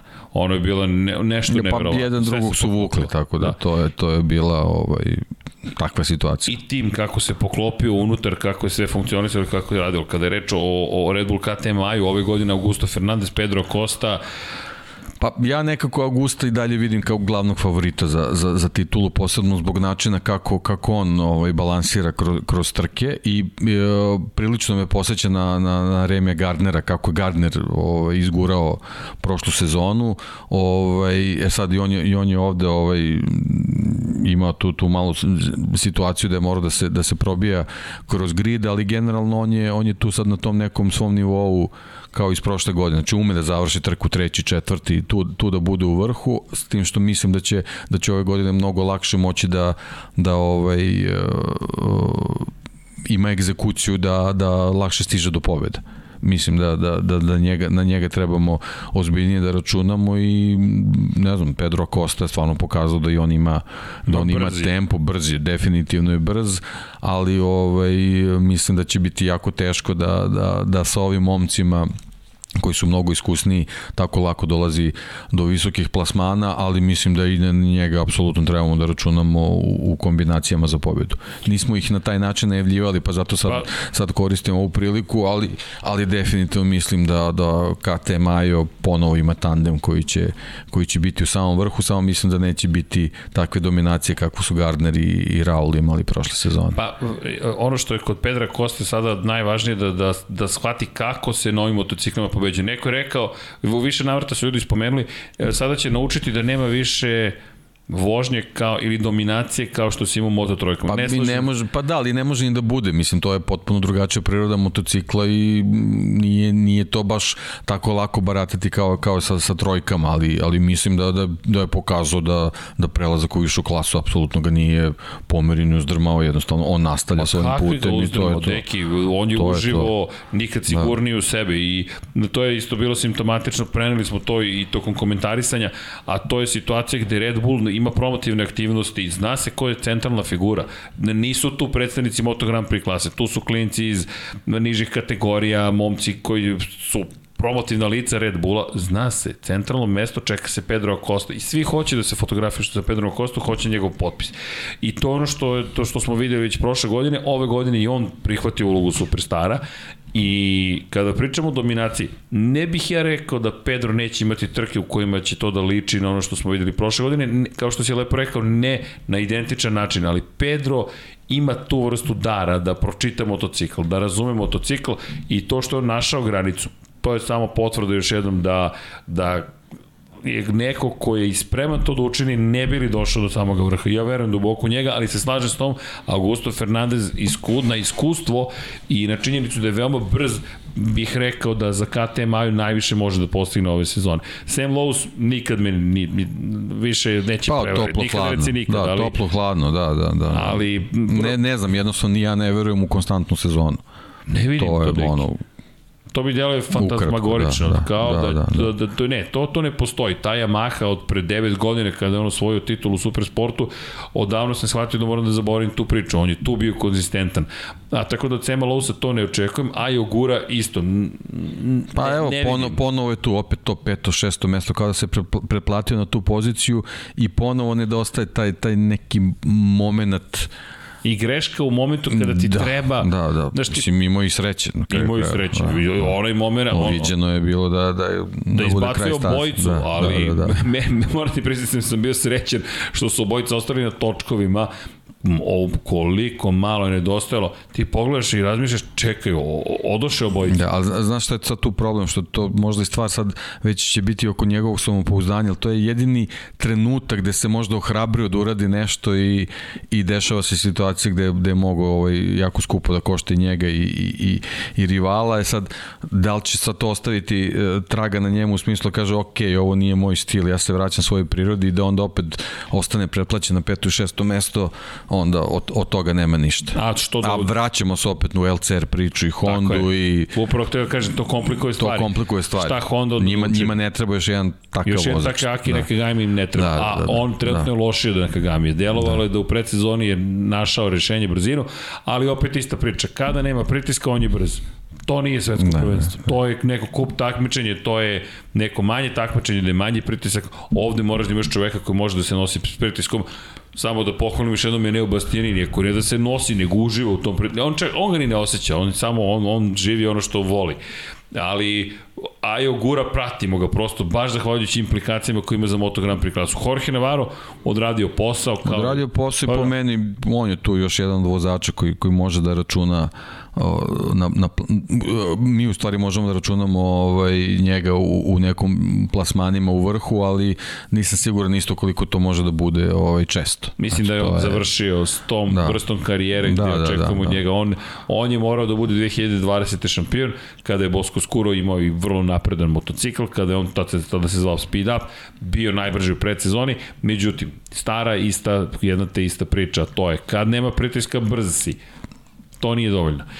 Samo Amerikanci kratko da spomenem, pohvalim i Joe Roberts i Cameron Bobije, ok. Pa da, o- ali Joe ok, Robertsa ne ali mogu da upravo to pohvalim što si rekao, ok. ok, ali Da, ne, ne, Robertsa ne, ne, ne, ne, mogu Bobija, to je negde, to je to. Pa dobro, step by step, Step by ali, step, tako ali Roberts mnogo bolje mora da bude. Roberts, ja bojim se da... Da, evo sad, sad gledam, to je već 15 sekundi recimo za Vijetijem, 10 sekundi za Kanea, to je, to je mnogo. On je, on je morao tu da bude sa Lawson on i je ovde imao Fernandezom. pol poziciju, on je ovde Da, da, da, čovjek da, da, koji da. se popeo na pobjedničko postolje. Drugačije je moralo da izgleda. Da. E, nismo pohvalili Toni Arbolina, stikao Mark VDS Racing, Toni gore dole još uvek dok ne vidimo više trka gde, gde će imati stalne rezultate. Pa dobro, ali pazi, brz. borio se sa Fernandezom na Fernandezovom motociklu. Je, da, činjenica Tako da to je, to je sasvim okej, tako to, je je, sas, je. to, je, to je njemu reper i, i sasvim je u redu. za trku Sasvim je u redu. odlična ocena za nastavak sezone, nemamo pojma. To, to bi Čekamo. trebali nekako da pokušamo da saznamo na čiji motocikl je seo Fernandez, na čiji motocikl je seo Costa i čiji motor je dobio Enea Bastianini. To je bilo dobro. E da, o, ovi su možda momci dobili da. novije motore, da. nove Kalekse, ali Nea Nečiji je nasledio. pa da. Ali ja bih ovde gledao i ovo je prenešeno, mislim, nije, nije moguće, ne mora da znači da je sve kompletno novo, tako da ovaj, neki, neki deo postoji sa nečeg motocikla, to bi bilo dobro da vidimo ko je šta nasledio. mm, ok, sad si mi dao zadatak, dobro. Da. Morat ćemo da pišemo, da pitamo, e da vas pitam, imam jedno pitanje, možete mi odgovorite. Ćao Srđe, čao svima. sunđer na sedištu? da vas pitam jedno pitanjice. Da, ali ok, Bobby je završio. Marcel Schrotter, Jake Dixon. Jake Dixona mnogo više sam očekivao iskreno. E, Deki, Da. ja sam se preorio u petak. Izgledao je sigurno sebe, sve super. Puca od samopoznanja. Onaj pad, pa onaj drugi pad, do nedelje. Pa dobro, ali pazi, to pokazuje ti padovi koliko mogu da, da, da poremete Mogu vozača. mnogo. Mogu mnogo. Neki to ne mogu da podnesu. Nekima je potrebno savršenstvo, nekima je potrebno da nemaju takve greške, ne mogu da izađu iz njih. Ali bojim se da Jake Dixon bit će bolji nego što je bio prošle godine. Nije to teško, ali ono što sam video u petak, preverio sam se. Previše ushićenja, rekao bih, što su izašli na stazu prosto ne vidim ne vidim suštinski napredak nažalost. Albert Arenas, dobro Pedra Costa smo spomenuli. A Kosta, Arenas, pa dobro, a Kosta imao, m, start je bio ovaj, Pa onaj moment prvo peh, slab prosto. start, onda onda onda peh Navarro. izbegavanje Navara i tu je gotova trka. To su, to je to je u stvari ono što je video, to su moto dvojke, znači tu nema ne možeš baš toliko da se da možeš se da vraćaš kao vreme. u trojkama, nema, nema. Startuješ iz pit lane, Tako pobediš. je, tako ne. To, to, to, to ne. To se ovde ne dešava, To se, da. to se baš ne dešava. Da, Mnogo da. precizniji motocikli i vozači tak, i, takva je situacija da jednostavno gotovo nemoguće da se da se promene da. stvari kada izgubiš kada izgubiš ovoliko sekundi. Albert Arenas osvojio poene, Pa ali da, ali to ovo mora bude bolje za tim Gaz bo, Gasa. lošiji si od nesigurnog Dixona. Znači, nije, nije baš dobro. A nisi više Novajli. Tako je. Nisi više Novajli. Ne da nisi Novajli, ti si u ozbiljnim godinama, iskusan si vozač i I treba da vodiš ekipu. tako je. Tako je, a, ne, a kažem, a ne da ispred tebe bude čovjek koji je ozbiljno, sa, sa ozbiljno poljubljenim samopouzdanjem ušao u, u trku posle svega što mu se dešavalo na treninzima. E, Malo malo, mora, pre, mora bolje. malo pre izvini, nisam dovoljno pohvalio Marcela Šotera za nešto drugo. Ne svoju poziciju trci koliko kolegijalnost. On je vukao Jeremy Alcoba. Alcoba je na kraju bio 14. i osvojio dva poena, pokušavao je kroz treningi da mu pomogne da napreduje i Šroter veteranski, iskusno. I Romano Fenati vratio se, osvojio poen. de, de, de, Da, na Bosko skuru. na Bosku skoro, da. ne, neumo, neumoljiv je. Pa Pobedio dobro, Fermina leto, Aldegera. bili su tu, obojica su tu, Da, da, da. tako da ovaj, to je onako za, za Boskov skuro ohrabrujuće da su dva vozača tu na, na, na, na toj poziciji, znači mogu da se nadaju kad jedan krene da, da, da, da bude bolje nekoj trci da će povući ovog drugog. To, to, to može da, da bude ohrabrujuće za njih. E, inače, ono što je jedna od bitnijih stvari koja se desila ove godine u, u, u Moto2 kategoriji jeste zapravo ulazak Yamahe u ovo prvenstvo. Master Camp VR46 Yamaha se pojavila ono što sam i rekao u prenosu, deluje mi kao zaboravljeni tim. Nisam video ni jednom Lina Jarvisa da je došao da poseti svoju Yamahu, nisam video nikoga da Dobro, imali su, imali su imali većih su problema. glavobolje, tako fakat, da, ali... polako, polako, počinje to sve. Polako, Samo to bih voleo, jer Yamaha je veliko ime. bolja, bolja Yamaha u Moto Grand Prix i ovamo će to da se odrazi sve. Sad, ova trka je bila onako stvarno eksplicitna zbog nekih drugih stvari, tako da polako s njima. Da Njima je ohrabrenje da, da su tu, da imaju podršku, pa sad polako. Inače, samo da spomenem, Kevin Kibo, momak koji dolazi iz Tajlanda i naravno čuvena priča Manuelu Gonzalesu koji je potpisao ugovor za, za, za, za Yamaha Master Camp s obzirom na činjenicu da su tu dosta velika očekivanja lepo je videti ta nova lica, ta nova imena i prezimena jednostavno kada pogledaš šta se očekuje nekako od svih ovih značaja. Manuel Gonzalez koji to je čuveno pitanje za nas, ko je Manuel Gonzalez? Klinac koji je osvojio Super Sport 300 šampionatu sveta titulu i sada ga svi vrlo dobro znamo. VR46 ekipe potpisalo ugovor sa Manuelom Gonzalesom, Argentinac, oprostite, kada pričamo o Argentinac, Španac, Argentinac jedini koji, koji je tu je zapravo čovjek koji je na poziciji iza njega završio i dolazi nam iz Moto trojki Gabriel Rodrigo, ali Manuel Gonzalez u par navrata smo ga videli, videli smo Kementa Kiba i očekujte pristojne rezultate u drugoj polovini sezone od ovih momaka.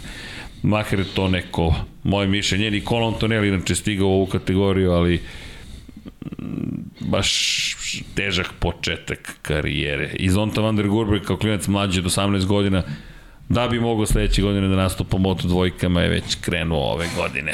Da, od naredne godine inače stupa da, eto, snagu. Poznato prezime. Uz, uz nova prezime da, da, da. imamo i poznato. Jedno. I Jürgen van der Gurberg, čuveni holandjanin koji je eto, otvorio vrata i sinu. Inače, kakva je situacija Liverpool? Nisam te pitao. Kroz iglene ušlo, dobro, prošli smo, prošli smo sve okej. Okay. Koliko je bilo na kraju? Iskupili smo 1-0, ali... Jao. Ali dobro. Bilo je 2-0 u prvoj utakmici, tako da okej. Okay. Ako možemo kažemo da je okej. Okay, dobro, da. Da, da, da, vidi, da. nisam teo ništa da pitam dok okay. nisam siguran da je da. utakmica završena, ali cenim da bih znao da je bilo loše. Ja sam na kraju prošla rekao da je sve okej, okay, tako da. to je to. to je to, to. I da. naravno, Moto Trojke, Moto Trojke, Crazy Boy, Ayumu Sasaki. Jedna greška, stradao nosač oplate i to je to. A, a velika šteta. 4 sekunde prednosti i naravno lako je sada pričati o tome za one koji nisu gledali dominacija kako se redko viđa u Moto trojkama, deki i u kvalifikacijama on se vraćao po klubski kolege. Što bi neko rekao, dok gledaš trgu pomisliš ga ovo neće da izađe na dobro. I nažalost, eto, baš bez veze. Bez veze. Zaista, ono. Imaju pobedu u rukama. Pa da. Prvo u karijeri.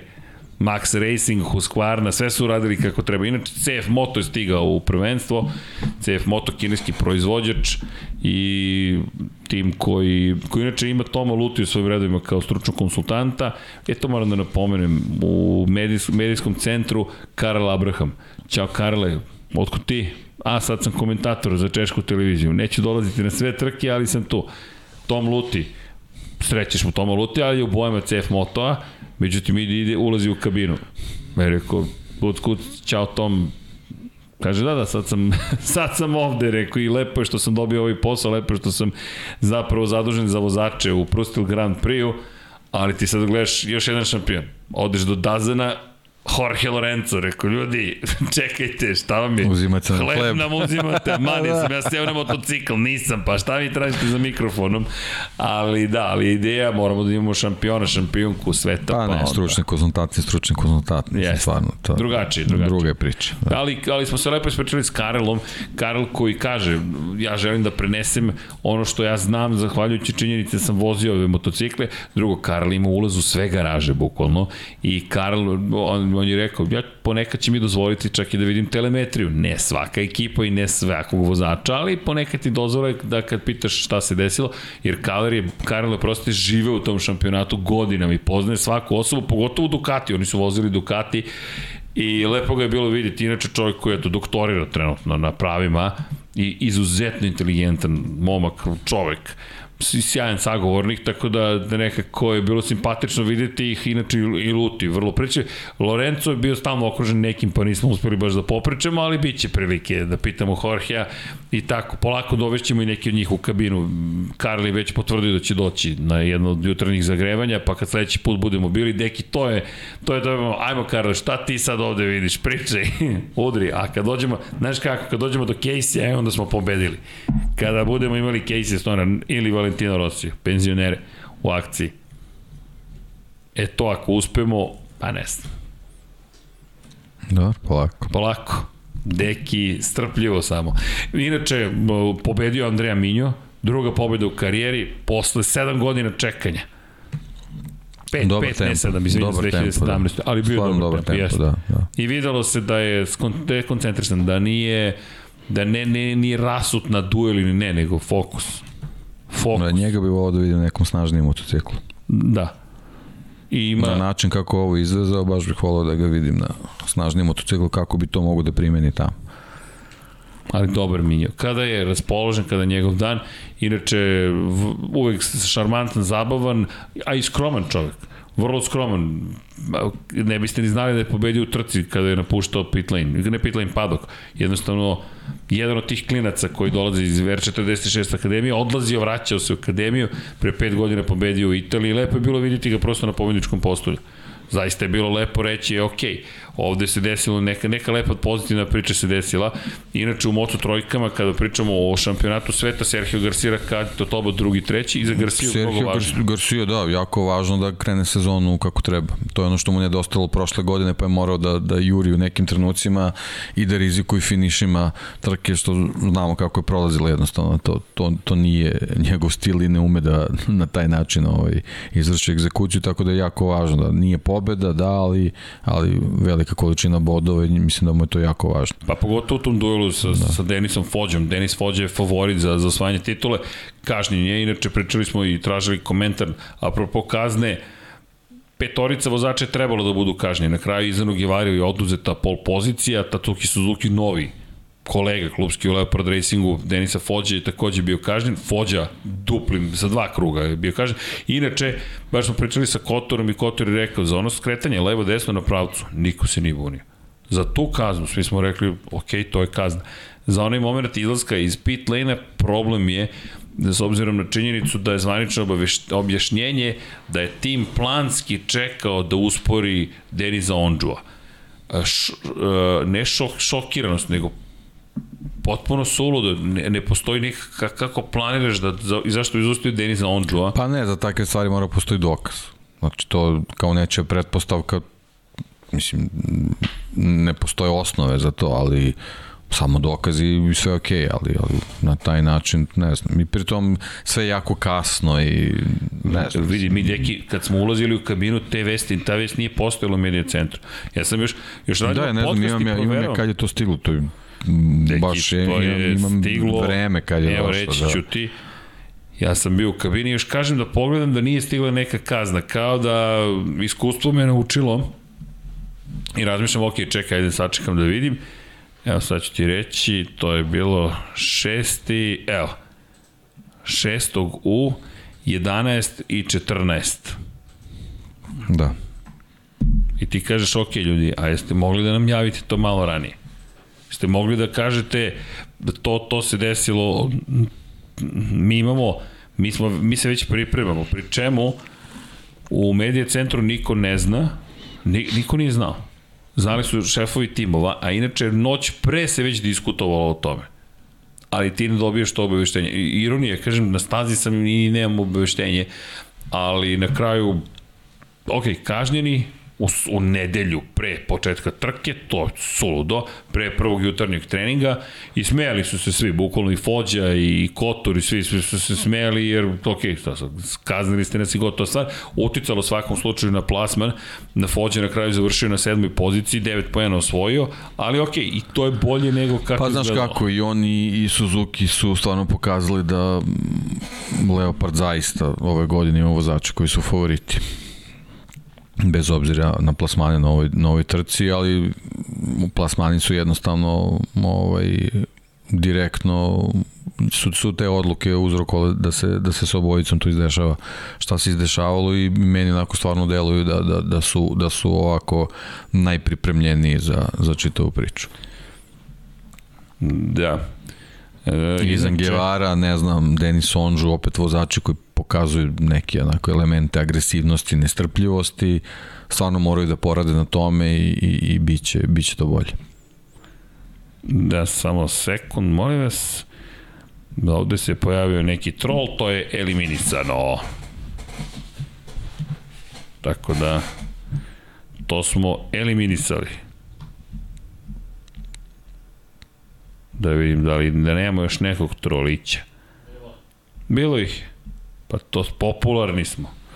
I udrite like kad smo već tu. Algoritam da nas botovi bolje vide. Jedan like. I onda... pa, pa da, to je sve u redu. A, dakle, i da vidimo sad, sad s ovom ludilu koliko poruka čovjek se ispisao. Dobro. Dobro, savladao je suglasnike, to je sve u redu. E, dobro, i ovo smo sredili. Tako, dobro. Sad je, čisto je za sada. Vanja, vidim da vodiš račura. Hvala. Elem, da se mi vratimo na Moto Trojke, samo na kratko i Denisa Fođu. Vidi se, imaju brzinu. Suzuki, inače, svi su ga hvalili. Jedino što je malo skuplji bio njegov odlazak u predsednička testiranja, po, pošto je bukvalno bio, pošto je često bio na podu, ali to je deo procesa učenja. Jednostavno učiš i tako napreduješ, ali Tatsuki Suzuki deluje da je na pravom mestu, rekao bih. I vidi se razlika među Sić 58 ili ekipe Leopard. Leopard preozbiljna jedna ekipa i nadam se da... Ne, Fođe stvarno bez, bez ikakih izgovora to mora da naplati ove godine. Da, bukvalno. Znam da nije neparna godina, ali što se tiče Leoparda, ali neke godine prećemo da izbrišemo, ovaj, tako da Mislim da je ovo, ovo stvarno bi trebalo da bude njegova godina. Pa vidi, sve ukazuje na to. I ako ne iskoristi ovu priliku, kada će? kada će da iskoristi priliku? On mora da ide već u Moto dvojke naredne godine. Suprotno, karijera počinje da ide nizbrdo. Jednostavno, ti si sada najmoćniji vozač de facto Moto3 klase, to možeš da iskoristiš, tim što Izan Gevara mi se dopao kako se ponaša, prijetno mi iznenadio, bukvalno kada, jer Izan Gevara verovao sam njega prošle godine, malo sam požurio, ali Izan Gevara odlično izgledao i taj njegov nasmejanost i duh i šarm i ta izjava kako ćeš da voziš gazdu daske, to je ceo plan. Pa dobro, da, ali kažemo u nekim trenucima samo mora da, da, da se malo, mislim, odličan je gest bio što je pratio Fođu sve Jeste. vreme, to je ono, Ima onda mislim da, da bi to bi bilo baš skupo da je tu krenuo nešto da, da, da ovaj proba više.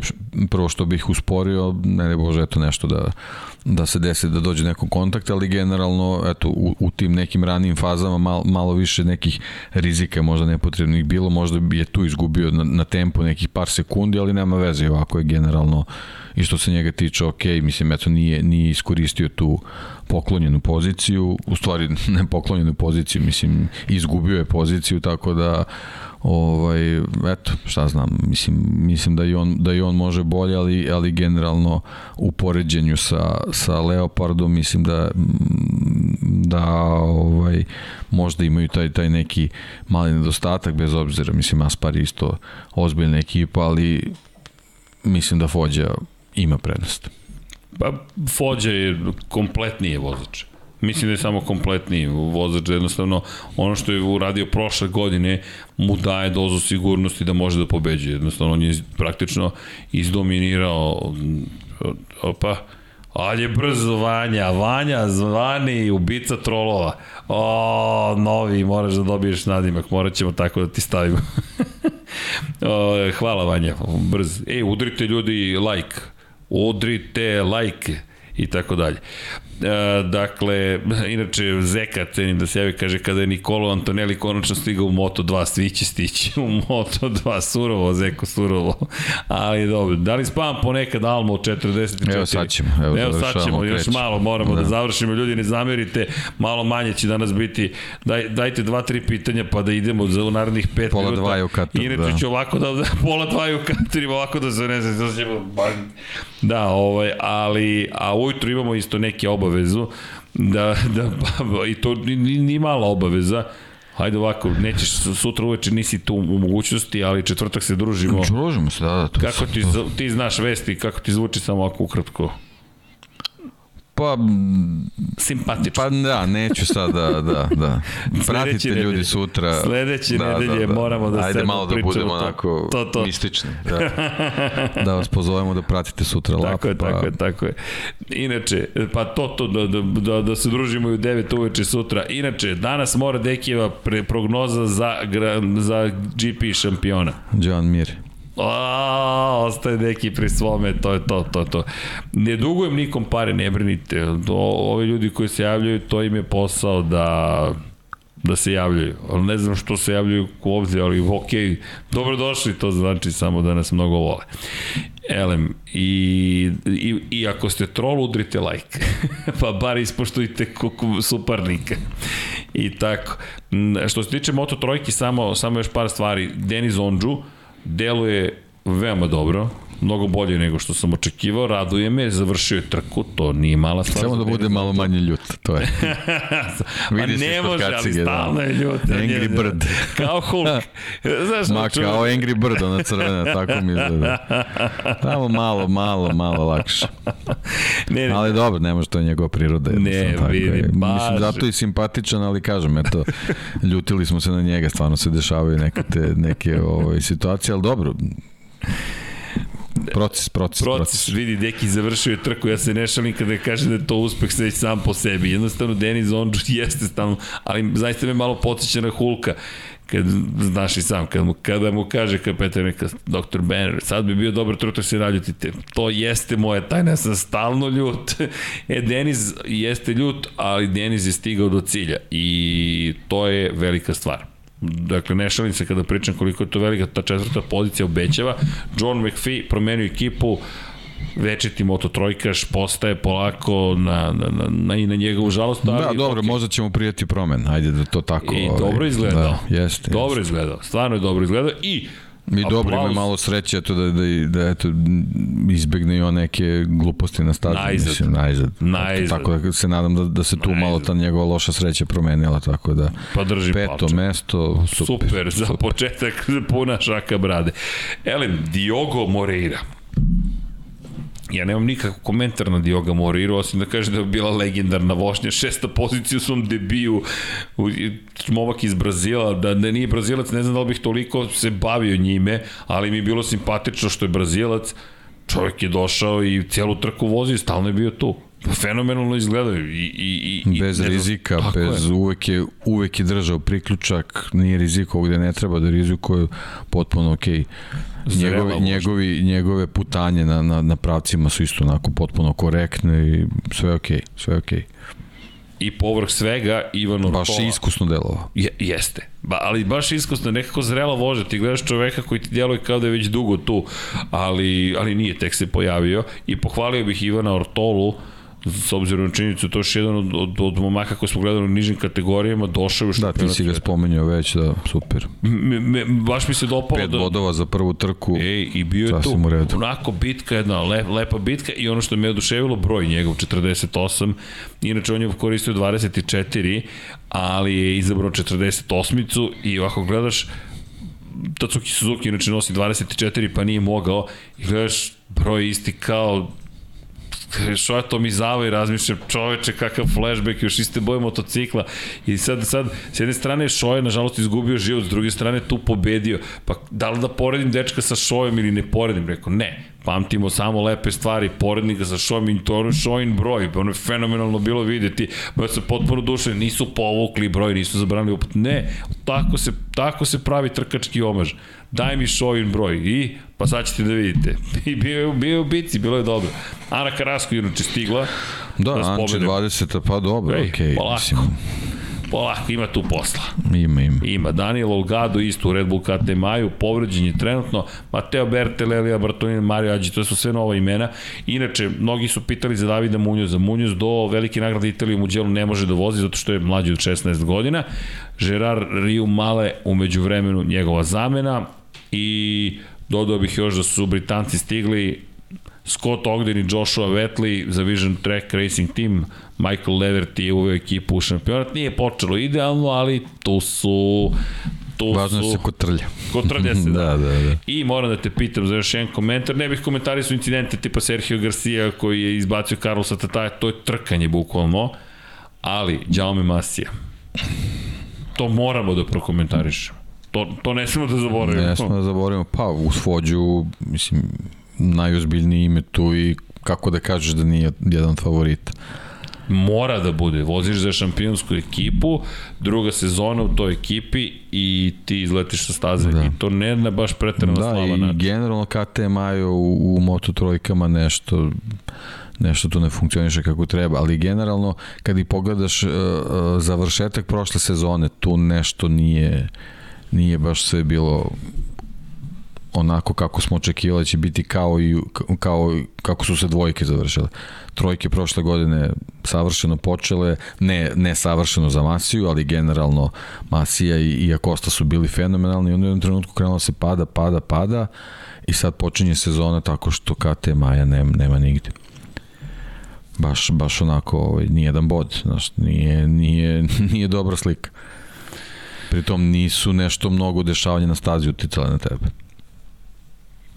Ne preterano. Masija ne, ne izgleda da. brže. Izgleda da. sve sporije. Mislim, ne izgleda nesigurnije. Nije ne, ne, ne, ne, on delo onako da, da tu je fokusiranje sve ok, ali, ali kad se setimo Katara prošle godine kako su izgledali, ovo je stvarno pa pad. baš, baš potpuni pad. pad, da. pad. Dobro, Olgado, hajde da sačekamo, s obzirom činjenicu da je povređen, ali Ali dobro, možda je da. to ta godina. Pa dobro, ali kažem, generalno utisak je onako baš, baš loš za, za ekipu. Slabo. Sada ne ulazimo mi u detalje za šta i kako, ali utisak je baš loš. Da, inače. Ali, ajde, ajde da kažem, kao što sam pričao ove dve kategorije, nek budi za trojke. Prve tri trke su anomalije, čekamo ih posle, posle Teksasa. Muki Alex, dakle, evo predloga za rešavanje trolova. Stavi da samo subscriberi od 7 dana mogu pisati i nema trolova. A, bravo, Muki Alex, nismo ni znali da ovo moguće, eto, nešto novo ste nas naučili, hvala. Matori youtuberi. I ti si mator za youtubera. Moramo na TikTok da se prebacimo. Pratimo trendove. Hvala Muki Alekse za ovu preporuku, to ćemo i da uradimo, dakle da namestimo tako, a onda troll ukoliko želi da komentariše, pa imaćemo veći broj subscribera. Subscriber farma trolova. Trolovi, subscribeujte se. Zašto Sasaki ima Crazy Boy nadimak? Pa to mu to vuče još iz još vuče iz iz nižih kategorija zapravo, Crazy Boy, a možete sami da pretpostavite zašto, kao što je manijakalni Joe, ili ti, pa da, Andrea Janone imao Crazy Joe, imao je Maniac, tako ima i Ayumu Sasaki, ali Ayumu Sasaki zadržao ga, nije on više toliko lud kao što je nekada bio. I eto, prosto pričamo o, o nadimcima koje dobijete tokom takmičenja. Sasaki osvajao titulu u šampionatu u Red Bullom kupu Novajlija, bio je u kupu Talenata Azije, a imamo Sasaki inače jedan veoma dobar vozač, ali prosto mu je bilo potrebno malo više vremena da stasa u ovo kog smo mi negde preželjkivali.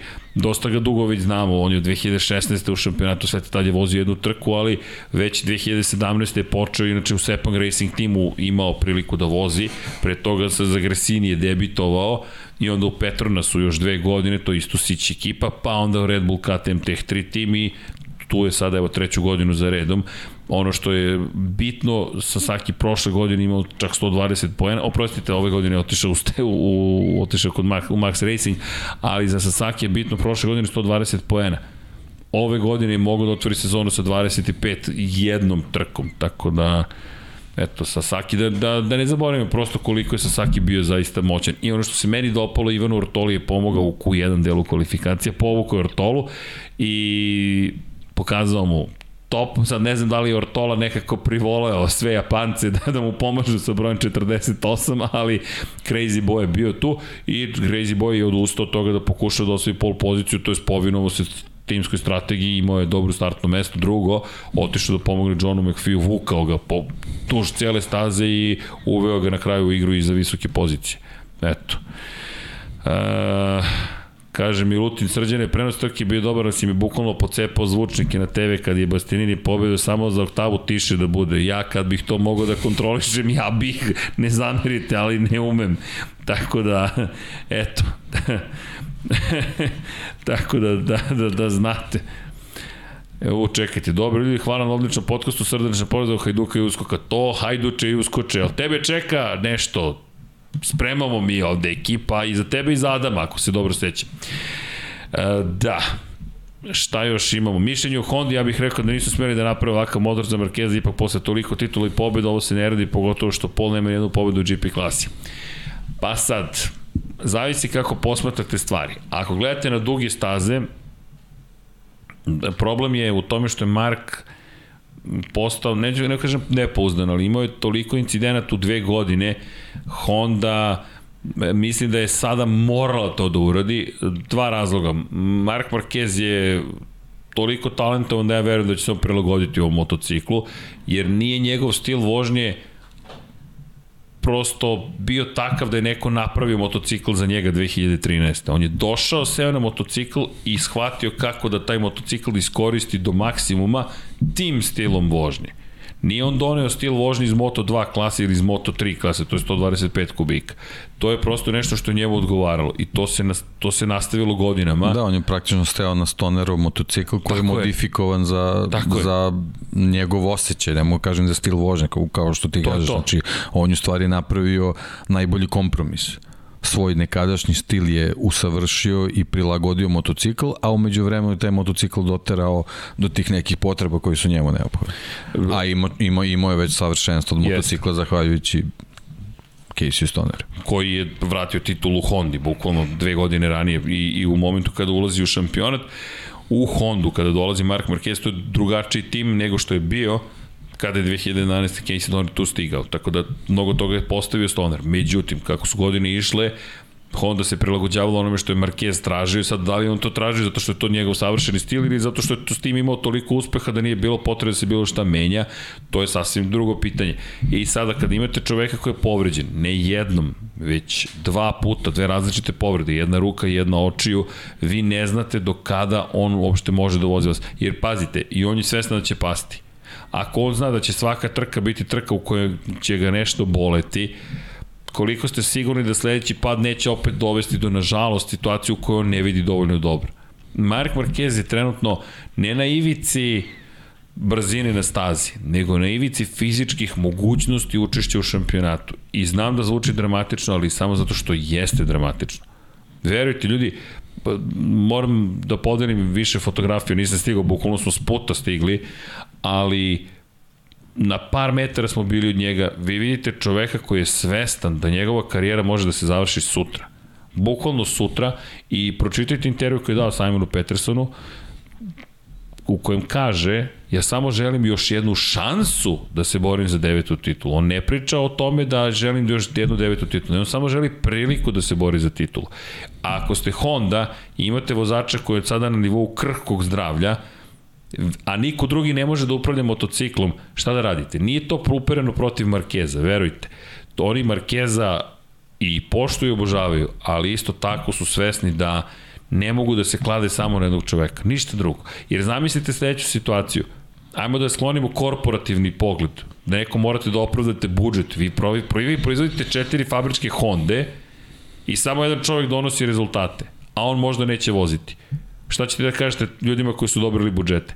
Ali ako izuzmemo to, kolika je sramota za sve inženjere da proizvedu najnoviju Hondu i da ih pobedi Yamaha, pobedi ih Suzuki, pobedi ih Ducati, sa Aprilium se jedva bore, to je neprihvatljivo za jednu Hondu. Oni su morali ovo da, da urade. I to nije protiv Markeza, oni, ako neko poštuje Markeza, to je Honda, idite u Motegi, on je njihov najuspešniji vozač, to čovjek je pre, prevazišao Mika Duana po broju pobjeda. Sad čekajmo Texas da, da pričam Tako o, je. o tome. Da. Tako je. E, da li različna misteriju kao Markezove prednje korišćene gume, je li to greška u grafici ili?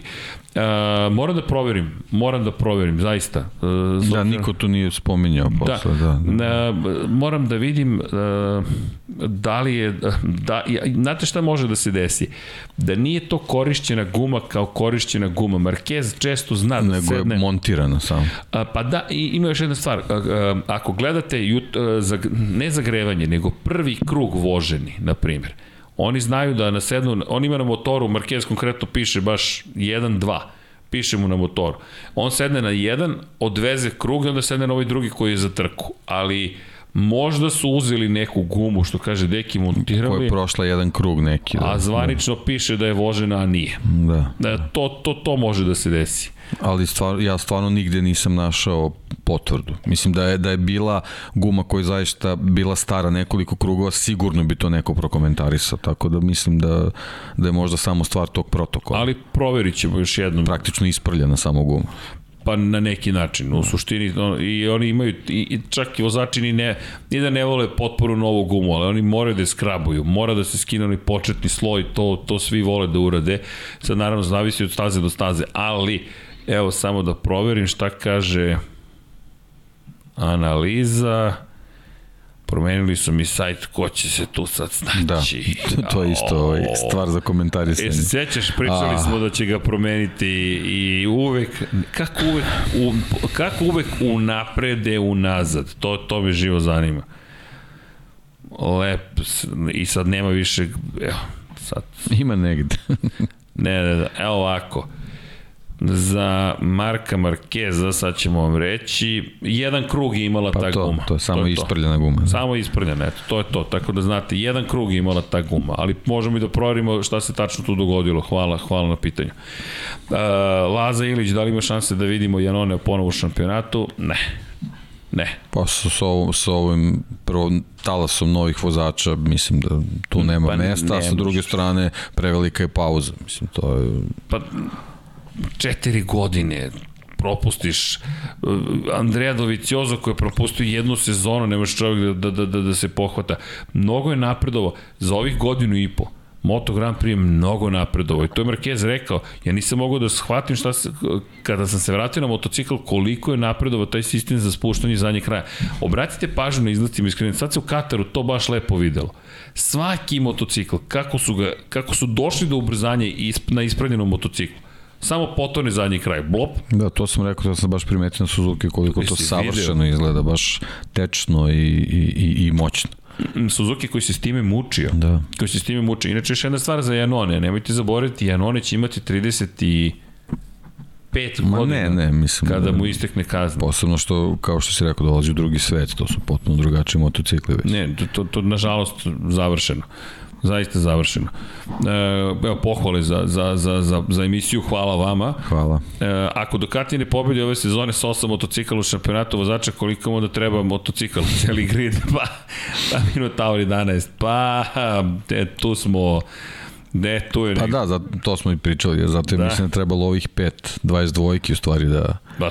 da se boduju, a ne, ne i ovi stari To ti je dobra ideja. Da. To ti je baš dobro. Žuk Đorđe, kada spomenemo Džankija, šta je sa njim i kada se vraća? Džanki se vraća, okay. bukvalno je sve Pratite okay. geto. Pratite geto, da. sprema on svoju emisiju, sprema Džanki, svašta nešto, ali kada je reč o Džankiju, prosto postoji taj iracionalni strah od letenja i budimo realni to, to su stvari koje neko savlada, neko ne savlada. Mi poštujemo svakoga, pa naravno da i našeg dragog džankija, sticamo okolnosti, eto, Jelena će avionom, nas dvojice ćemo kombijem i, znate šta je dobro sa kombijem, uvek vam se pridruži još neko u tom kombiju i kažete, ok, idemo na, idemo na neki, neki put i tako dalje. Tako da tu je, nemojte da brinete za sledeću trku Mandaliki, močućite glas Aleksandra Đankića. Laza ili zašto je Markezu ta povreda toliko komplikovana, poznato čemu je konkretan problem? Pa, e, od komplikacija nastala što nije dozvolio da se inicijalna povreda zaceli dovoljno. Eto, eto vam topla preporuka nemojte žuriti s oporavkom. To je ono što Marquez ove godine priča. I on je rekao, sledeći put kada se povredim, jer povredit ću se, način na koji ću se oporavljati i rehabilitovati će biti drugačiji. Nije dozvolio ruci da se oporavi i onda je pogoršao povredu. Kada pogoršate povredu, mnogo je teža situacija. To je sad puta to je eksponencijalna funkcija neka i šta se njemu desilo posle druge operacije, on je imao, nažalost, infekciju te rane. Ali ne infekciju spoljašnje, to je unutrašnja infekcija. To je sada infekcija praktično trajno stanje. On ima hroničnu infekciju. On, on, on, on je nastavio godinu celu posle te operacije da pije antibiotike i onda je morao na treću operaciju. Nažalost, lako bi sad bilo reći da je sačekao tri nedelje kod prve povrede, mi ne bismo sada ni o čemu pričali. Pričali bismo o poravljenom čoveku. I O titulama. O titulama, tako je. Ali, nažalost, moram reći da je jedna karijera promenjena suštinski promenjena. On je vrlo hrabar čovjek, dakle, vi ga pogledate, on... Pa da, ali nasme. dokaz da niko nije Superman. Tako je. Ljudi, svi smo mi od krvi i mesa. Svi imamo neki rok trajanja i on je rekao, prosto, to, to, to je gde je. Pa da, nema nazad. Nema nazad. To je to. Nema nazad. Tako da... Tkivo se ne obnavlja na taj način. Ne. A ne pomaže što će uskoro 30 godina. Sad koliko bih ja volao da to nema veze. Samo je Martinator Terminator. Ali je mlad. Ali je mlad, tako je, tako je. Da. Tako je, tako da eto, I eto, Stevie G, slobodno, crš crki jače komentariši, bez griskrene emocije ne bi to bilo to, a to sam što sam, šta da radite. Da, Ivica Niko, Ducati ima problem sa vozačima, nema problem s motorima. Pa, ja više težim tom pa, mišljenju. Do, pa ali, da, ali ne, ali, ne bih baš to ali, tako ali, da, nije crno-belo. E, nije samo do vozača. Znate u čemu je tu stvar? Sad zamislite sledeću situaciju. Ultra kompleksna mašina, i neko kaže sad imaš još jedan motor, sad imaš još jedan deo, sad imaš još jednu verziju, sad imaš još nešto, sad imaš još nešto, sad imaš još nešto. To je ono što Deki priča, to je šuma ljudi, tu se izgubite. Jer Jorge Martin za mene je šampion šampionski kalibar. Francesco Banjaji mi malo ispod tog kalibra, zašto? Bojim se da Francesco nema zaista mentalitet tajkule, mentalitet nekoga ko u tom svetu će kada bude bilo potrebno da bude surov, biti surov. I to je bila rečenica posle koje Srki stekao veliki broj neprijatelja. Kada? to što ste rekao za Peka. Za, za Peka, da, da, da. da. Vanja stavlja ovo time kod. Jel piše neko u komentarima? sad će se ogledati, sad će da krene. Ne, ne, ne. Tsunami. Da, Viktor Karokolev, Srke nisam čuo ako si rekao nešto u vezi sa Morbidelima, vidio sam da na kraju trke imao dobar tempo, da, da kad dođe u Evropu da će biti jedan od glavnih favorita. Ne znam što kad da prođe kažem. Texas. Tako je, ali Yamaha, uf, uf, uf, uf, baš je, baš je u problemima. E, neko je prokomentarisao, nešto samo mi sad pobeglo i kao koliko savremeni MotoGP ne prašta braće Spargaro, taka nemaju ni jednu pobedu, toliko godina su šampionatu, dok sa druge strane pričam potencijalno poslednju sezoni u Moto Grand Prix a, a, a, Aleksa Markeza. Toliko ne prašta, zaista. Bukvalno toliko ne prašta. Prvi put sam vidio da Marquez da je odustao od borbe kada ga je Beštija pre, prešao posle tri kruga, Mr. Bob. Da, on je to i rekao. On je rekao, ja sam u tom momentu, ne, to jest, on je rekao, ja sam rešio da ovu trku samo završim i to jeste prvi put. I to, to u skladu s ovim što pričamo, on zna da titulu ne može više da osvoji na način, pa i da padnemo ok na doknadiću. Ne, on sad mora bukvalno, znate gde je sada došao? U fazu karijere iz njegove perspektive povredom u fazu u kojoj je Rossi bio 2015. godine. Kada je titula ne može da se osvoji tako što ćete imati 9 ili 11 pobjeda, nego pobjeda tu i tamo i stalno na pobedničkom postolju ili među vodničkim bez, pet. Bez crtice. Bez, bez, bez nema dole. Samo, a, a ima mnogo trka. A mnogo trka. Tako da je ovo igra na to da se osvoji titula. Marquez za plan ima titulu, samo što će to biti Mirova titula, neće biti Markezova titula. Ako mogu tako da opišem. I Deki je objasnio sjajno, pre dve godine postavljena matrica, mustra, kako osvojiti titulu u ovom... U modernom motografiju, da. Prosto tako je.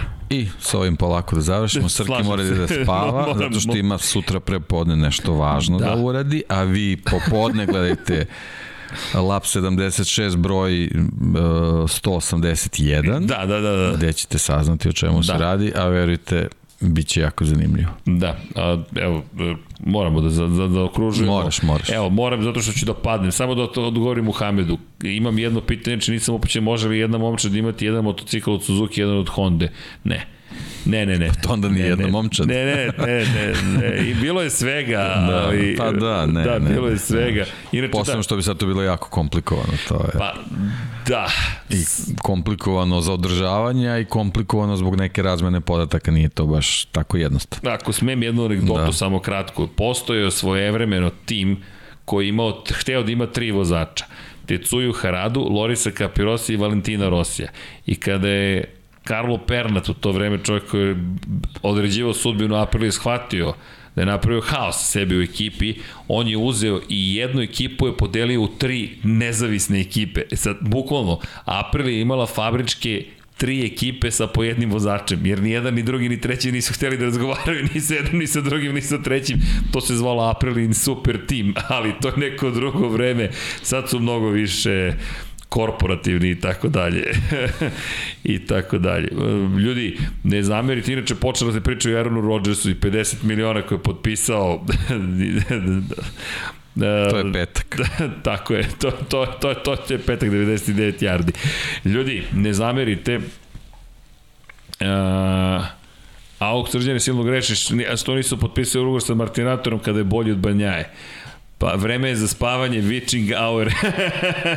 Dobro se vreme je za spavanje, da. Uh, čujte, samo, samo kratko, nisu još potpisali ugovor sa Martinatorom, ali mislim da će Martinator mora da ti da traži drugi dom, jer će potpisati ugovor sa Neom Bastianinijem, pošto je to već viđeno, ja ne vidim kako će, ako nastavi i Iole slično ome da vodi Ducati da pusti Eneu da ide bilo gde drugo. Ma vidi, sama, sama grupa navijača koji se pojavlja oko njega je dovoljna. To, ono, to je stvarno stvar koja ne sme se propustiti. Apsolutno.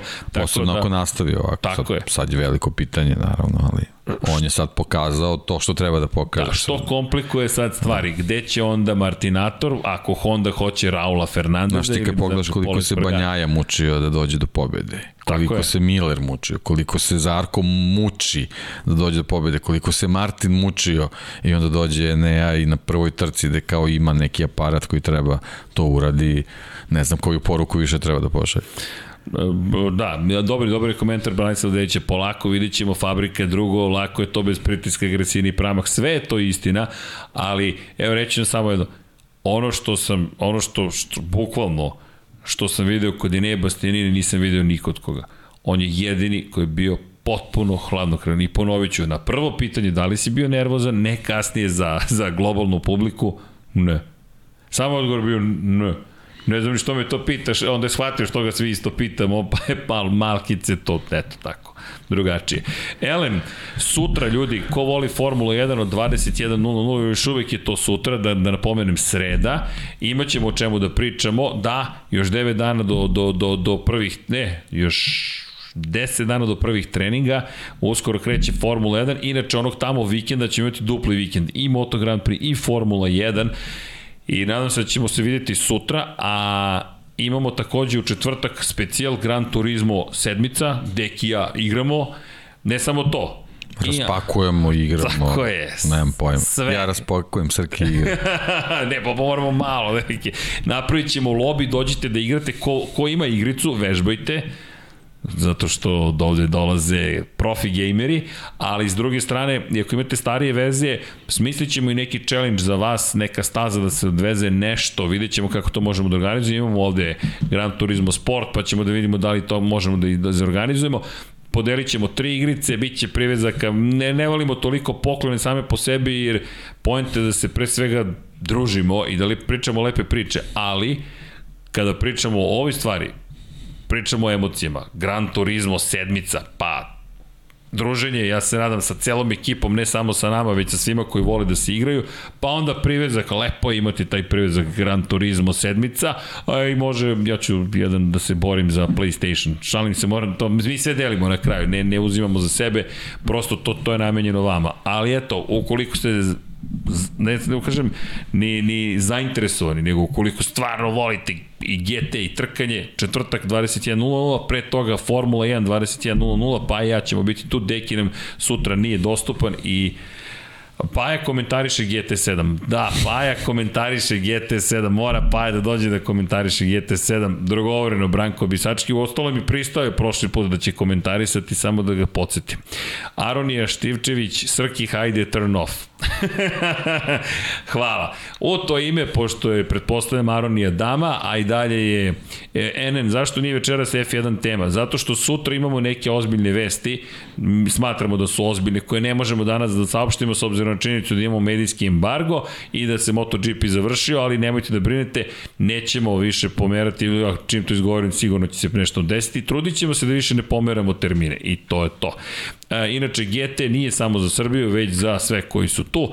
Imate spakovano izdanje, pa ga vi instalirajte i to je to. Tako smo izbjegli probleme sa kodovima, da li ste prijavljeni na jednoj prodavnici, drugoj, trećoj, osmoj, petoj, a da se ugasim, vreme je da ispoštujemo damu, ljudi, mazite se, pazite se, budite dobri jedni prema drugima, vodite računa, vozite računa o jednim drugima i volite se i 917 na 30 30, Human 917 na 455 u Švajcarskoj, udrite like, udrite subscribe, udrite join, idite na patreon.com kroz Infinity Lighthouse, ostaje da pročitamo imena i prezimena svih koji su na YouTube-u i Patreonu i to će biti kraj emisije, jel može? Da ispoštujemo sve. Vanja, Hvala ti. Dakle, da budem brz. Sava, Toni Ruščić, Mario Vidović, Ivan Toškov, Stefan Dulić, Marko Bogovac, Ozren Prpić, Marko Mostarac, Nikola Grujičić, 13 tajnih pokrovitelja Aleksa Vuča, Zoltan Mezej, Zoran Šalamun, Miloš Banduka, Laslo Boroš, Đorđe Radović, Ivan Simeunović, Mihajlo Krgović, Neno Divić, Nikola Božinović, Monika Erceg, Omer Kovačić, Filip Banovački, Miroslav Vučinić, Predrag Simić, Žorž, Stefan Vidić, Mlađan Antić, Jelena Mak, Mladen Krstić, Marko Ćučić, Milan Nešković, Ivan Maksimović, Bojan Mijatović, Petar Relić, Stefan Privić, Nenad Simić, Luka Savović, Andrej Božo, Boris Gvozden, Boris Golubar, Zoran Vidić, Luka Maritašević, Ljubo Đurović, Borko Božunović, Đorđe Andrić, Aleksandar Gošić, Mirjana Živković, Nemanja Miloradović, Miloš Vuletić, Vukašin Vučenović, Ognjen Marinković, Miroslav Cvetić, kao time kod, došao sam tek iz Katara, Marina Mihajlović, Veselin Vukićević, da znate da nije snimak, Jelena Jeremić, Antonio Novak, Stefan Milošević, Nikola Stojanović, Stojanović, Jesenko Samrđić, Mihovil Stamičar, Stefan Nedeljković, Zoran Majdov, Josip Kovačić, Lazar Pević, Benjamina, Nemanja Jeremić, da žena ne sazna, Boris Kujundžić, Tijena Vidanović, Stefan Ličina, Aleksandar Antonović, Dejan Vujović, zatim Nemanja Zagorod, Đole Bronkos, Aleksa Jelić, Aca Vizla, Igor Vučković, Milan Ristić, Branko Bisački, Nenad Đorović, Vukašin Jekić, Aleksandar M, Žarko Mirić, Dejan Đokić, Bojan Markov, Ertan Prelić, Igor Gašparić, Alin Stojčić, Depres Cody Garbrandt. Strahinja Balagović, Aleksandar Đurić, Vladimir Filipović, Branislav Marković, Vanja Radulović, Đorđe Đukić, Miloš Todorov, Žarko Milić, Emir Mesić, Stefan Stanković, Dušan Ristić, Vladimir Petković, Pavle Njemec, Jovan Đodan, Boris Erceg, Katarina, Ivan Cigir, zatim Andrej Bicak, Mladen Mladenović, Dimitrij Mišić, Bahtre Abdurmanov, Andreja Branković, Nebojša Živanović, Jugoslav Krasnić, Nenad Pantarić, Vlada Ivanović, Stefan Janković, Aleksandar Banovac i mislim da je ovo apsolutni rekord koji je ikada postavljen u čitanju. E, Vanja, može još malo muzike, imam još ovde par ljudi koji su nam e, membersi, što se kaže u celoj priči, a to je zapravo Sledeće, Ivan Magdalinić, zatim Ivan Vujasinović, Resničanin, Mladen Mladenović, Emir Dugić, Tatjana Lemajić, Serbija Herfer, Veselin Vukićević, Stojan Stabom, Mladen Dukić, Marko Bogovac, Branislav Dević, Vukašin Vučenović, Almedin Ahmetović, Nemanja Labović, Aleksandar Kockar, Miloš Z, LFC, Nikola Smit, Nemanja Miradić, Vladimir Papić, Ivan Božanić, Marina, Vlada Ivanović, Oliver Nikolić, Andrija Todorović, Jelena Jeremić, Kalabi Jao, Aleksandar Nikolić, čovjek koji želi da ostane anoniman, zatim Petar Bjelić, Milorad Relić, Nemanja, Bojan Markov, Danilo Petrović, Nenad Simić i da ispratimo muziku do kraja, da se lepo pozdravimo sa svima vama i kao pravi DJ-evi vam poželimo jednu divnu, lepu, laku noć. Kažemo da je sezona uspešno počela, deki, čestitam ti, Enea Potkonjak Bastianini je na prvoj poziciji. Dragi ljudi, želimo vam lepo veče i naravno kao i uvek, Ćao, Ćao svima. svima.